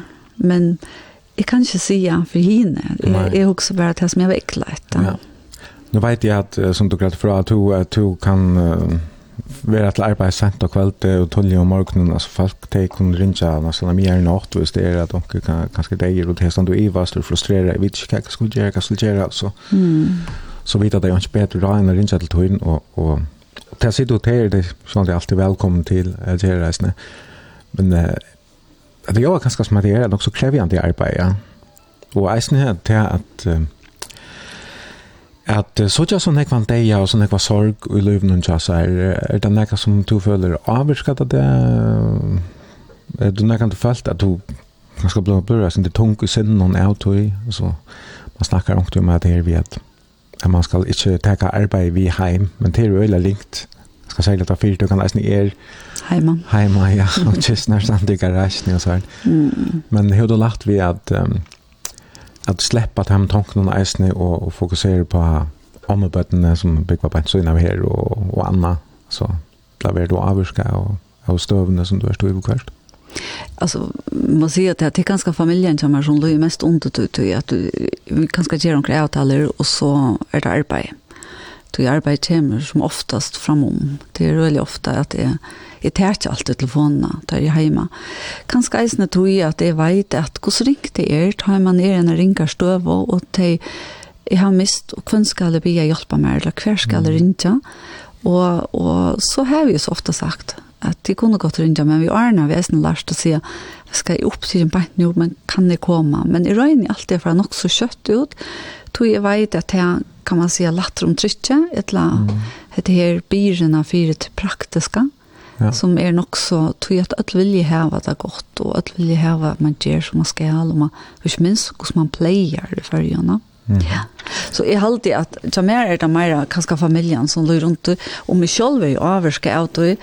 Ja, vi kvørst, så vil jeg si at så fyller det nok snakk, og det er ordentlig godt at døtteren bor på en syne av, og hun er utbygging sjukrehjelpere, og et eller annet sånn vi sår og finner til her utbyggingene her, og kanskje eisen i arbeidet synes vi følte sånn, Mm. Hesen er sånn skilført. Så selv om du finnes jo svittet nå i sånne kvar, så, så kan du godt bli rørt og laverske av av det gjennom eisen i stedet. Absolutt, og eisen vi var så kom ut og hjelpe folk som vi kjenner vel. Mm -hmm. Og ta meg å si at jeg, jeg Ehm känslan är er ordliga tische tische skrift så land om är eisne fightar i en och ta fight så sannligen eisne stand men konföran men um, man må eisne kanskje, jeg føler verja med sin tur, tror jeg, hvis jeg får ut iver og, og klemme for nek folk så leisa, så føler jeg eisne det at så, så kanskje fasaden kommer her altså det, det er ganske vanlig da, men jeg røyner at det hokser om at jeg er her fyres falskene og skal hjelpe deg i måneden, og ja. de skulle ikke ta hensyn til at jeg er rørt da. Nei, nei, nei til jeg som skal ta hensyn til deg, alle veien, mm. og ber at jeg vil vitte i mån. Og du vet, vi som foran kan det være en vika, at fra at du til Rinja og til Gjerreferien er ferden fram, og man snakker vidt det nesten kvendt det. Og så i som foran her, særlig at jeg som er nok så ensemøtel, så... Mm så så kommer man också ner i så det när vi röjer ner alt for at det skulle føle det godt, og at uh, mm. føle seg tryggan og sånt. Mm. Og du nämnde för mig igår da vi pratet om at du kände det som det privilegierade jeg, til jag släppte så tatt är følt seg. Jeg har også tatt til at man kommer så nær til rinja og pura at, at fremmede personer kommer inn, Men det vet at det gjør mitt arbeid.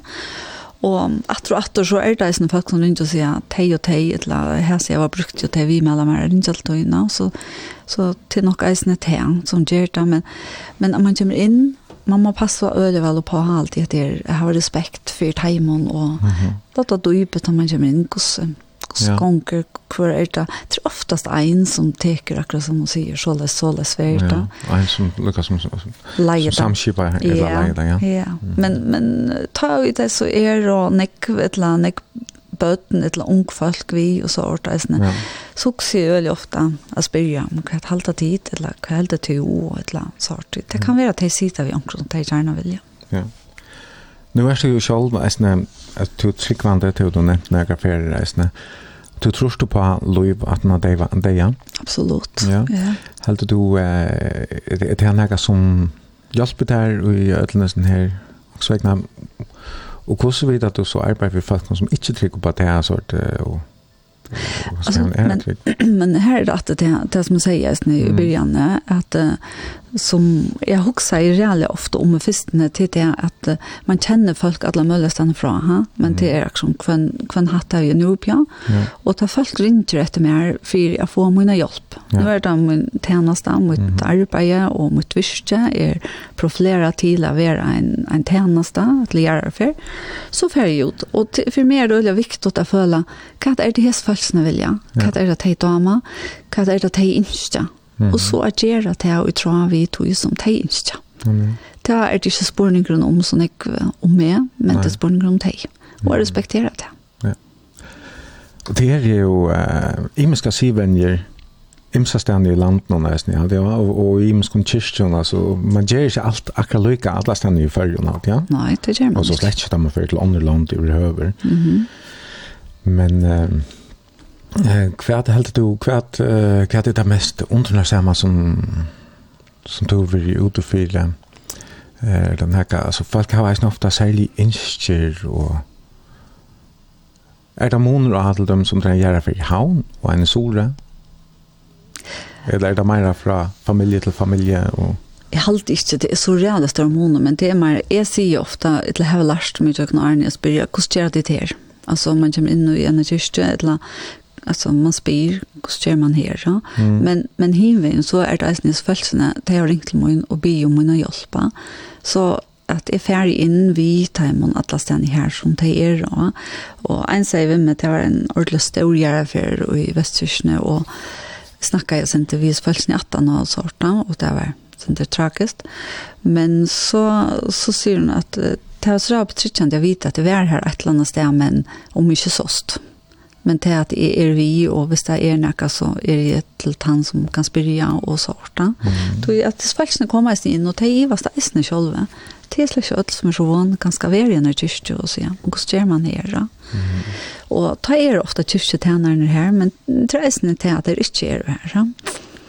Så at vi, jeg vet ikke hva at noe så ordentlig er annerledes, det kan man ikke ordentlig alltid utøpe, men, men man är er imiske om man er til steg eller ikke til steg eller så det så. Ja. Ja, eh Louise Tuyen hon tänker kjøtt til hon og her er flere som har skriva inn til och om ein uh, spyr i samband vi gjerrar fyrir uh, er åkjøpes, og hva skal ein sjálfur gjalda fire? Um, det er eisne, det er hver man er, og i havnene betaler man eh, fire blomene, og man betaler, eller, det gjør man alle stedene, ja, og santene, mm. kistene, det er sånne ting som alle betaler for, ja, og, og, og så er det erve, høler, hva du betaler. Ja. Mm. Det, er, det er nemmere å si at man ikke betaler ja. for det, og det er kringkvarsforlysningen, og til graveren, og til er lukbilderen det betaler man ikke for, ja. Og så, det er sånn, det er som ganger ganger fyrir i kyrkene, så presteren. Ja, det betaler man helt ikke for, ja. Nei, det er gratis. Og jeg har et, et honor, eller en, et avhus som jeg tar for, og henne tingene tar få det for om de betaler, eller de bor ikke det, eller jeg bor ikke det. Og det er sånne som velger alt, allt hit fra å bæra heva, det aller mest grunnleggende, altså det å si selve gjerreferna, så ja. er man så synker og salmabøkene, og, ja.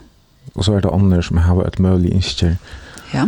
Um, opplever du mengt i mist, altså er det, er det vi først her, her, her er det ganske för jag synte synte lengt ut at du husker ganske om at det er for, för längt. Alltså är är vet inte ordentligt men jag säger alltid hvis du är i en kyrka eller en så måste du respektera alltså ta du inte här en jära för från en kyrka eller från en så måste du respektera ehm det som det standa för känner jag Mm. Och och och ta är det ofta att jeg sier til må henvende dere til altså, presten vi har hatt en spår til noen, eller samkomleier, eller så, hvis det er. Mm. Ja. ja det är ganska vi första syntesar som ja. och som jag plejer säga att det det är hvis man vill alla fall en kyrka en kyrka är är byggt av Guds år ett lam och att andliga och sånt. Nu är det sen synte tänkt att förhållande är just mig i dem och vi skulle inte finna ta som av avvist som är hänt så vidare på en men att det var det var hatt och hatt det var hassen och så vidare ja. Men Men du har sikkert opplevd som det skärm. Ja, men att eisne til det her, at jeg pleier å si at hvis de kanskje hever noen særlig innstyr eller så, så er kanskje sint mer frukt i, i kyrkjekarskapellen. Ta veit det at man har opplevd at her er ikke være prester og ikke noen sjankomleier, men det er være jonker som har vært og sagt akkurat da. Mm -hmm. Og, og det, det er så veldig, tror jeg, som folk. Ja til familjen. Det er så det er viktig for meg att respektere det som de vilja. Mm. Og hjelpe dem. Nu har jeg tid jo, ju äsna och det mot i kisten som kommer ur utlandet. Ja. Uh, og, og her har det ikke alltid det samme syvvenjene som vi, du kanskje fer ikke uh, lukka, jeg vet ikke om man kan si virkelig, eller fer ikke, og på samme måte om løsene som, som man ser i førgen. Hvordan er det da i, uh, ta det kommer en kista angsten i utomlands fra lengt vekk og, og, og tid så skulle uh, letja vi komma til ivrig en føreska kista. Det er en av de sveraste oppgavene om det er som tid det er stora løsende fyrir jeg synes det er stora fyrir at vi da går seg alt ser ut av ditt åpne lodge eller? Jeg så en tresen i andre bak oss til å være turen til farger og sånt. Mm. Men vi røyner alltid at så, hvis man er det at man kører låt, ja, så er det tog at det er hverandre ganske skal vilja suttje. Ja. Så må man røyne til det så virligt som det kan være. Men hvis det er her i havnene, så blir jeg, spyr jeg alltid på størrene om tar mm. kunne gjøre det, og kvart er i her reisene til ja. stier, tror jeg. Vi kvart kommer man i en ære kiste som vi ikke bruker for igjen, og som man ikke håndter og kjøver og sånt. Ja. ja. Men i omkron foran har vi finnet sisterheim som man ikke håndter og kjøver, så har vi uh, finnet omkron at, at sprøyte håndte og noen lykke, farve, ja. og finnes det sett opp på kistene. Ok. Men det kommer, hvis det kommer ordentlig lengt vekk, så kommer det typisk ikke ugjennarkist. Mm så kom at jeg igjennom sånn uh, ordentlig flott, eller pen noen flitekassa et eller annet sort. Mm -hmm. Så skal man nesten til å flyte fra tog og ivrig en kist. Ja, men ja.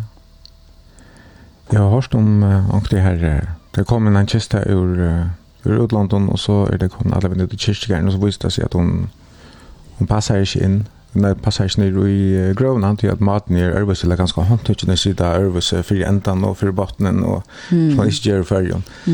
Så men Men det är nämligen öliga vikt och till det hvis det är artister, hvis det är en større person ja. ja, man, altså, det er øyelig viktig och det är så är om det är et eller ett la, som lurer nu och som, som man utfyrer att det är en kista som hör en ära stött, att man bågrävar den fra. Det är öliga syndas för tajra stand ut i støvene. Ja at mm. der får ikke nero i og at litt akkurat som et teima, men det, det tog det ikke å finne på inne. Mm, ja.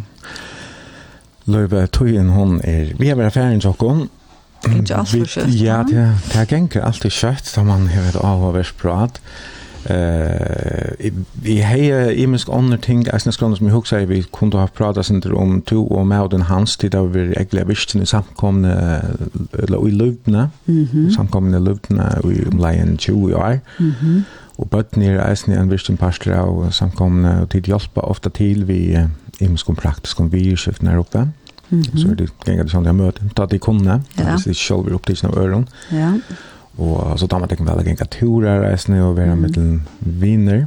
Ja. Og jeg vet at koronatøyen, hun kjørte det til familien for å føre snakk rundt om i følgen. Men jeg vet at koronatøyen, hun kjørte arbeidet der rettelig trobult. Ja. Um, da kunne knapt jeg ikke nok folk komme til, man kunne ikke ha erve. Og, mm. Så Det så kallar det Det rör oss inte i nu i att i som för förrän ville se att det är en sommar som efterföljande har sagt för mig att det har förfärligt att vi inte kunde ha ett är som jag hållit att det är men det att det är att möta följte och jag vet så en för det här som det var och det kom upp nerifrån och mamma var där och så sa det här och att det och som hände en siv i mjärtna att jag inte kunde snacka vi alla så konar som kände mamma och de kunde fortälja mig så mm. Og i sommer får han sluppet disse kjæver. Men jeg var ute ut i ringast og støven i halvtid til jeg var komme nyan i kyrkene i morgen og få vite til var holdt trusjon kunne komme, men nå kunne bare tog komme til lære for Ja. Det er helt det var hardt. Her er uh, komna en rikve av halsanon. Vi får stunder til å lese der alle nå, til å lese alle 18 og år. Jeg kan tenke nærkere av dem. Og det, det er, uh, sånn som jeg vet, er, det er dem som skriver inn til Det er takk som du har hjulpet. Jeg skal være gå av lov, du er til sånn og nægge særlig. Takk for det. Du er spør fire kommende donali, du har reist en fantastisk personsmenneske, Vi gjør det sere vel høskande til testarvet og røkter og omsider og i fyrtøkene solsetter. Jeg kan lave meg å si det, til jeg har haft bruk for det her og tøyne fyrtøkene jeg ferier, og alt er vært godt, fjolt, trygt og professionellt. Så et hjerte, skriver en lortere. og... Um, Ja, eh, jeg har lyst i akkurat av sånn her, en annen skriver her, eisne, Stått la høyre i morgen, jeg har fyllt her unnlegg noen av tusen du har gjørst, alt det beste. Hei Løy, minnes du, jeg la Askea-stovene vi nekkvære på innom, Norrasteine, og nå ringer telefonen, greva hjelpen solsetter. Jeg sier, jeg er ikke der enn. Laknen helt at solsetter er tullja vi. Jag vet inte om du kan bli mest det här som sån. Men uh, du var säkert skulle det var. Du sa telefon med man löte. Ja, her er en skriver stått stolt og avhørt og høre fantastiske liv. Konan og jeg sier, og Lorsta, takk for at jeg delte og gjevende samstarv, helsan, samstarven og sorøy. Mm. Her er kanskje eisen en gjerne for hjelp? Nei, det er en som selekkister. Det er vel så løs og sore at, at um, han som heier da, han klarer ikke mer, vekkene sjuke og ja. livet til å. Og så rønte vi til at uh, finne omkrant, og vi delte ikke at det var godt at man kørte fra havnet til Soria. Ja, ok. En halsan fra ommebøtten av Stetsjonen, det skriver vi sier du lorsta. Takk for det du er for okken, mamma og omma. Ja, her er øyelig nekvar halsane. Eh... um, ja ja Jeg halte at vi vi nøys å stekke nå hvis vi skulle spille nekker toner at skjedd, men her er flere som, som skriver lenkar halsane og så er det nekker stått der, gåa løyv, du er så vel egnet til dette, sier ref, fire mindre lisker ein. Godt å høre du bransj gåa løyv, du er offer, du er egnet til vel til det du gjør. Løyven er ikke særligt. Altid tog til ein og romer øtlån. Og en annen skriver her, fantastisk, jeg kunne rinja til Løyv, og hun tog seg av øtlån til papi akkurat døye. Jack så ser jeg vel det hele. Jeg får, ja, ja, du slipper jeg lese alle helsene der, at han var. Det er flere som har skrivet på av Facebook og og sms-kipanna. Mm. Men vi får allika at uh, høyre noen toner her at enda, og um, du har valgt at vi skulle høre Samal Hanna Lockberg synja tar er et mål. Mm. Hvor akkurat hentet sannsyn? Jeg husker først og strofene, så tenkte jeg, ja, tar er et mål, til at det er et mål, at det er tar du tar röret av vinnakan, ta i tarne på sina trilla han. Mm. og i munnen for er det som oftast tog det sorg. Ja. Tog att tog det jag har mistet ett land till ett land som renta og jeg kom inn og tar lusläpp. Ja. Utan att det har gjort det annars, men det tog jag att det är inte att man eller det har bruk för mig. Ja. ja. Tack för Løyv, at du kunne komme vidt at det er mange takk for en lekkran brunch i morgen, og et avhverst prat. Vånande er det eisen sett gong da an ekkert samrøver heima her for at kanskje Ja, og ta som lukker ting i morgen som det annars ganske hava det ringt vi, og ta som det ganske røyna at at att, att skicka sig runt annat ta oss om det dagliga. Mm. Det vill säga, ah, värst och hon har lätt. Jeg tatt fire, fikk meg overleggen. Mm. Det var eisne eh, vanlig vi på jeg møtte oss. ja, og, til henne gjør jeg før. Til henne gjerne jeg før, og til å komme og spørre det. Ja. Mm, ja. Og, og jeg var glad for det, men jeg var veldig nervøs. Jag får sen tacka et lustaren om fyra vimersingar og helsaner. Etter det altså bransje brunch for Jester Jesterberg Louis Clemensen i IDA Eifen Jensen. og bare at vi bransje nå John Jester kommer leger der klockan fem minutter i vitutchen. Vi enda altså vi sammanlagna Lockenberg og sanns noen tar er et mål. Takk til oss som lustaren og godt vikeskifte. Mangan tu undrast kvui Tar inne astrui Og byren kjennes Tingri en tu megna man Men god her stend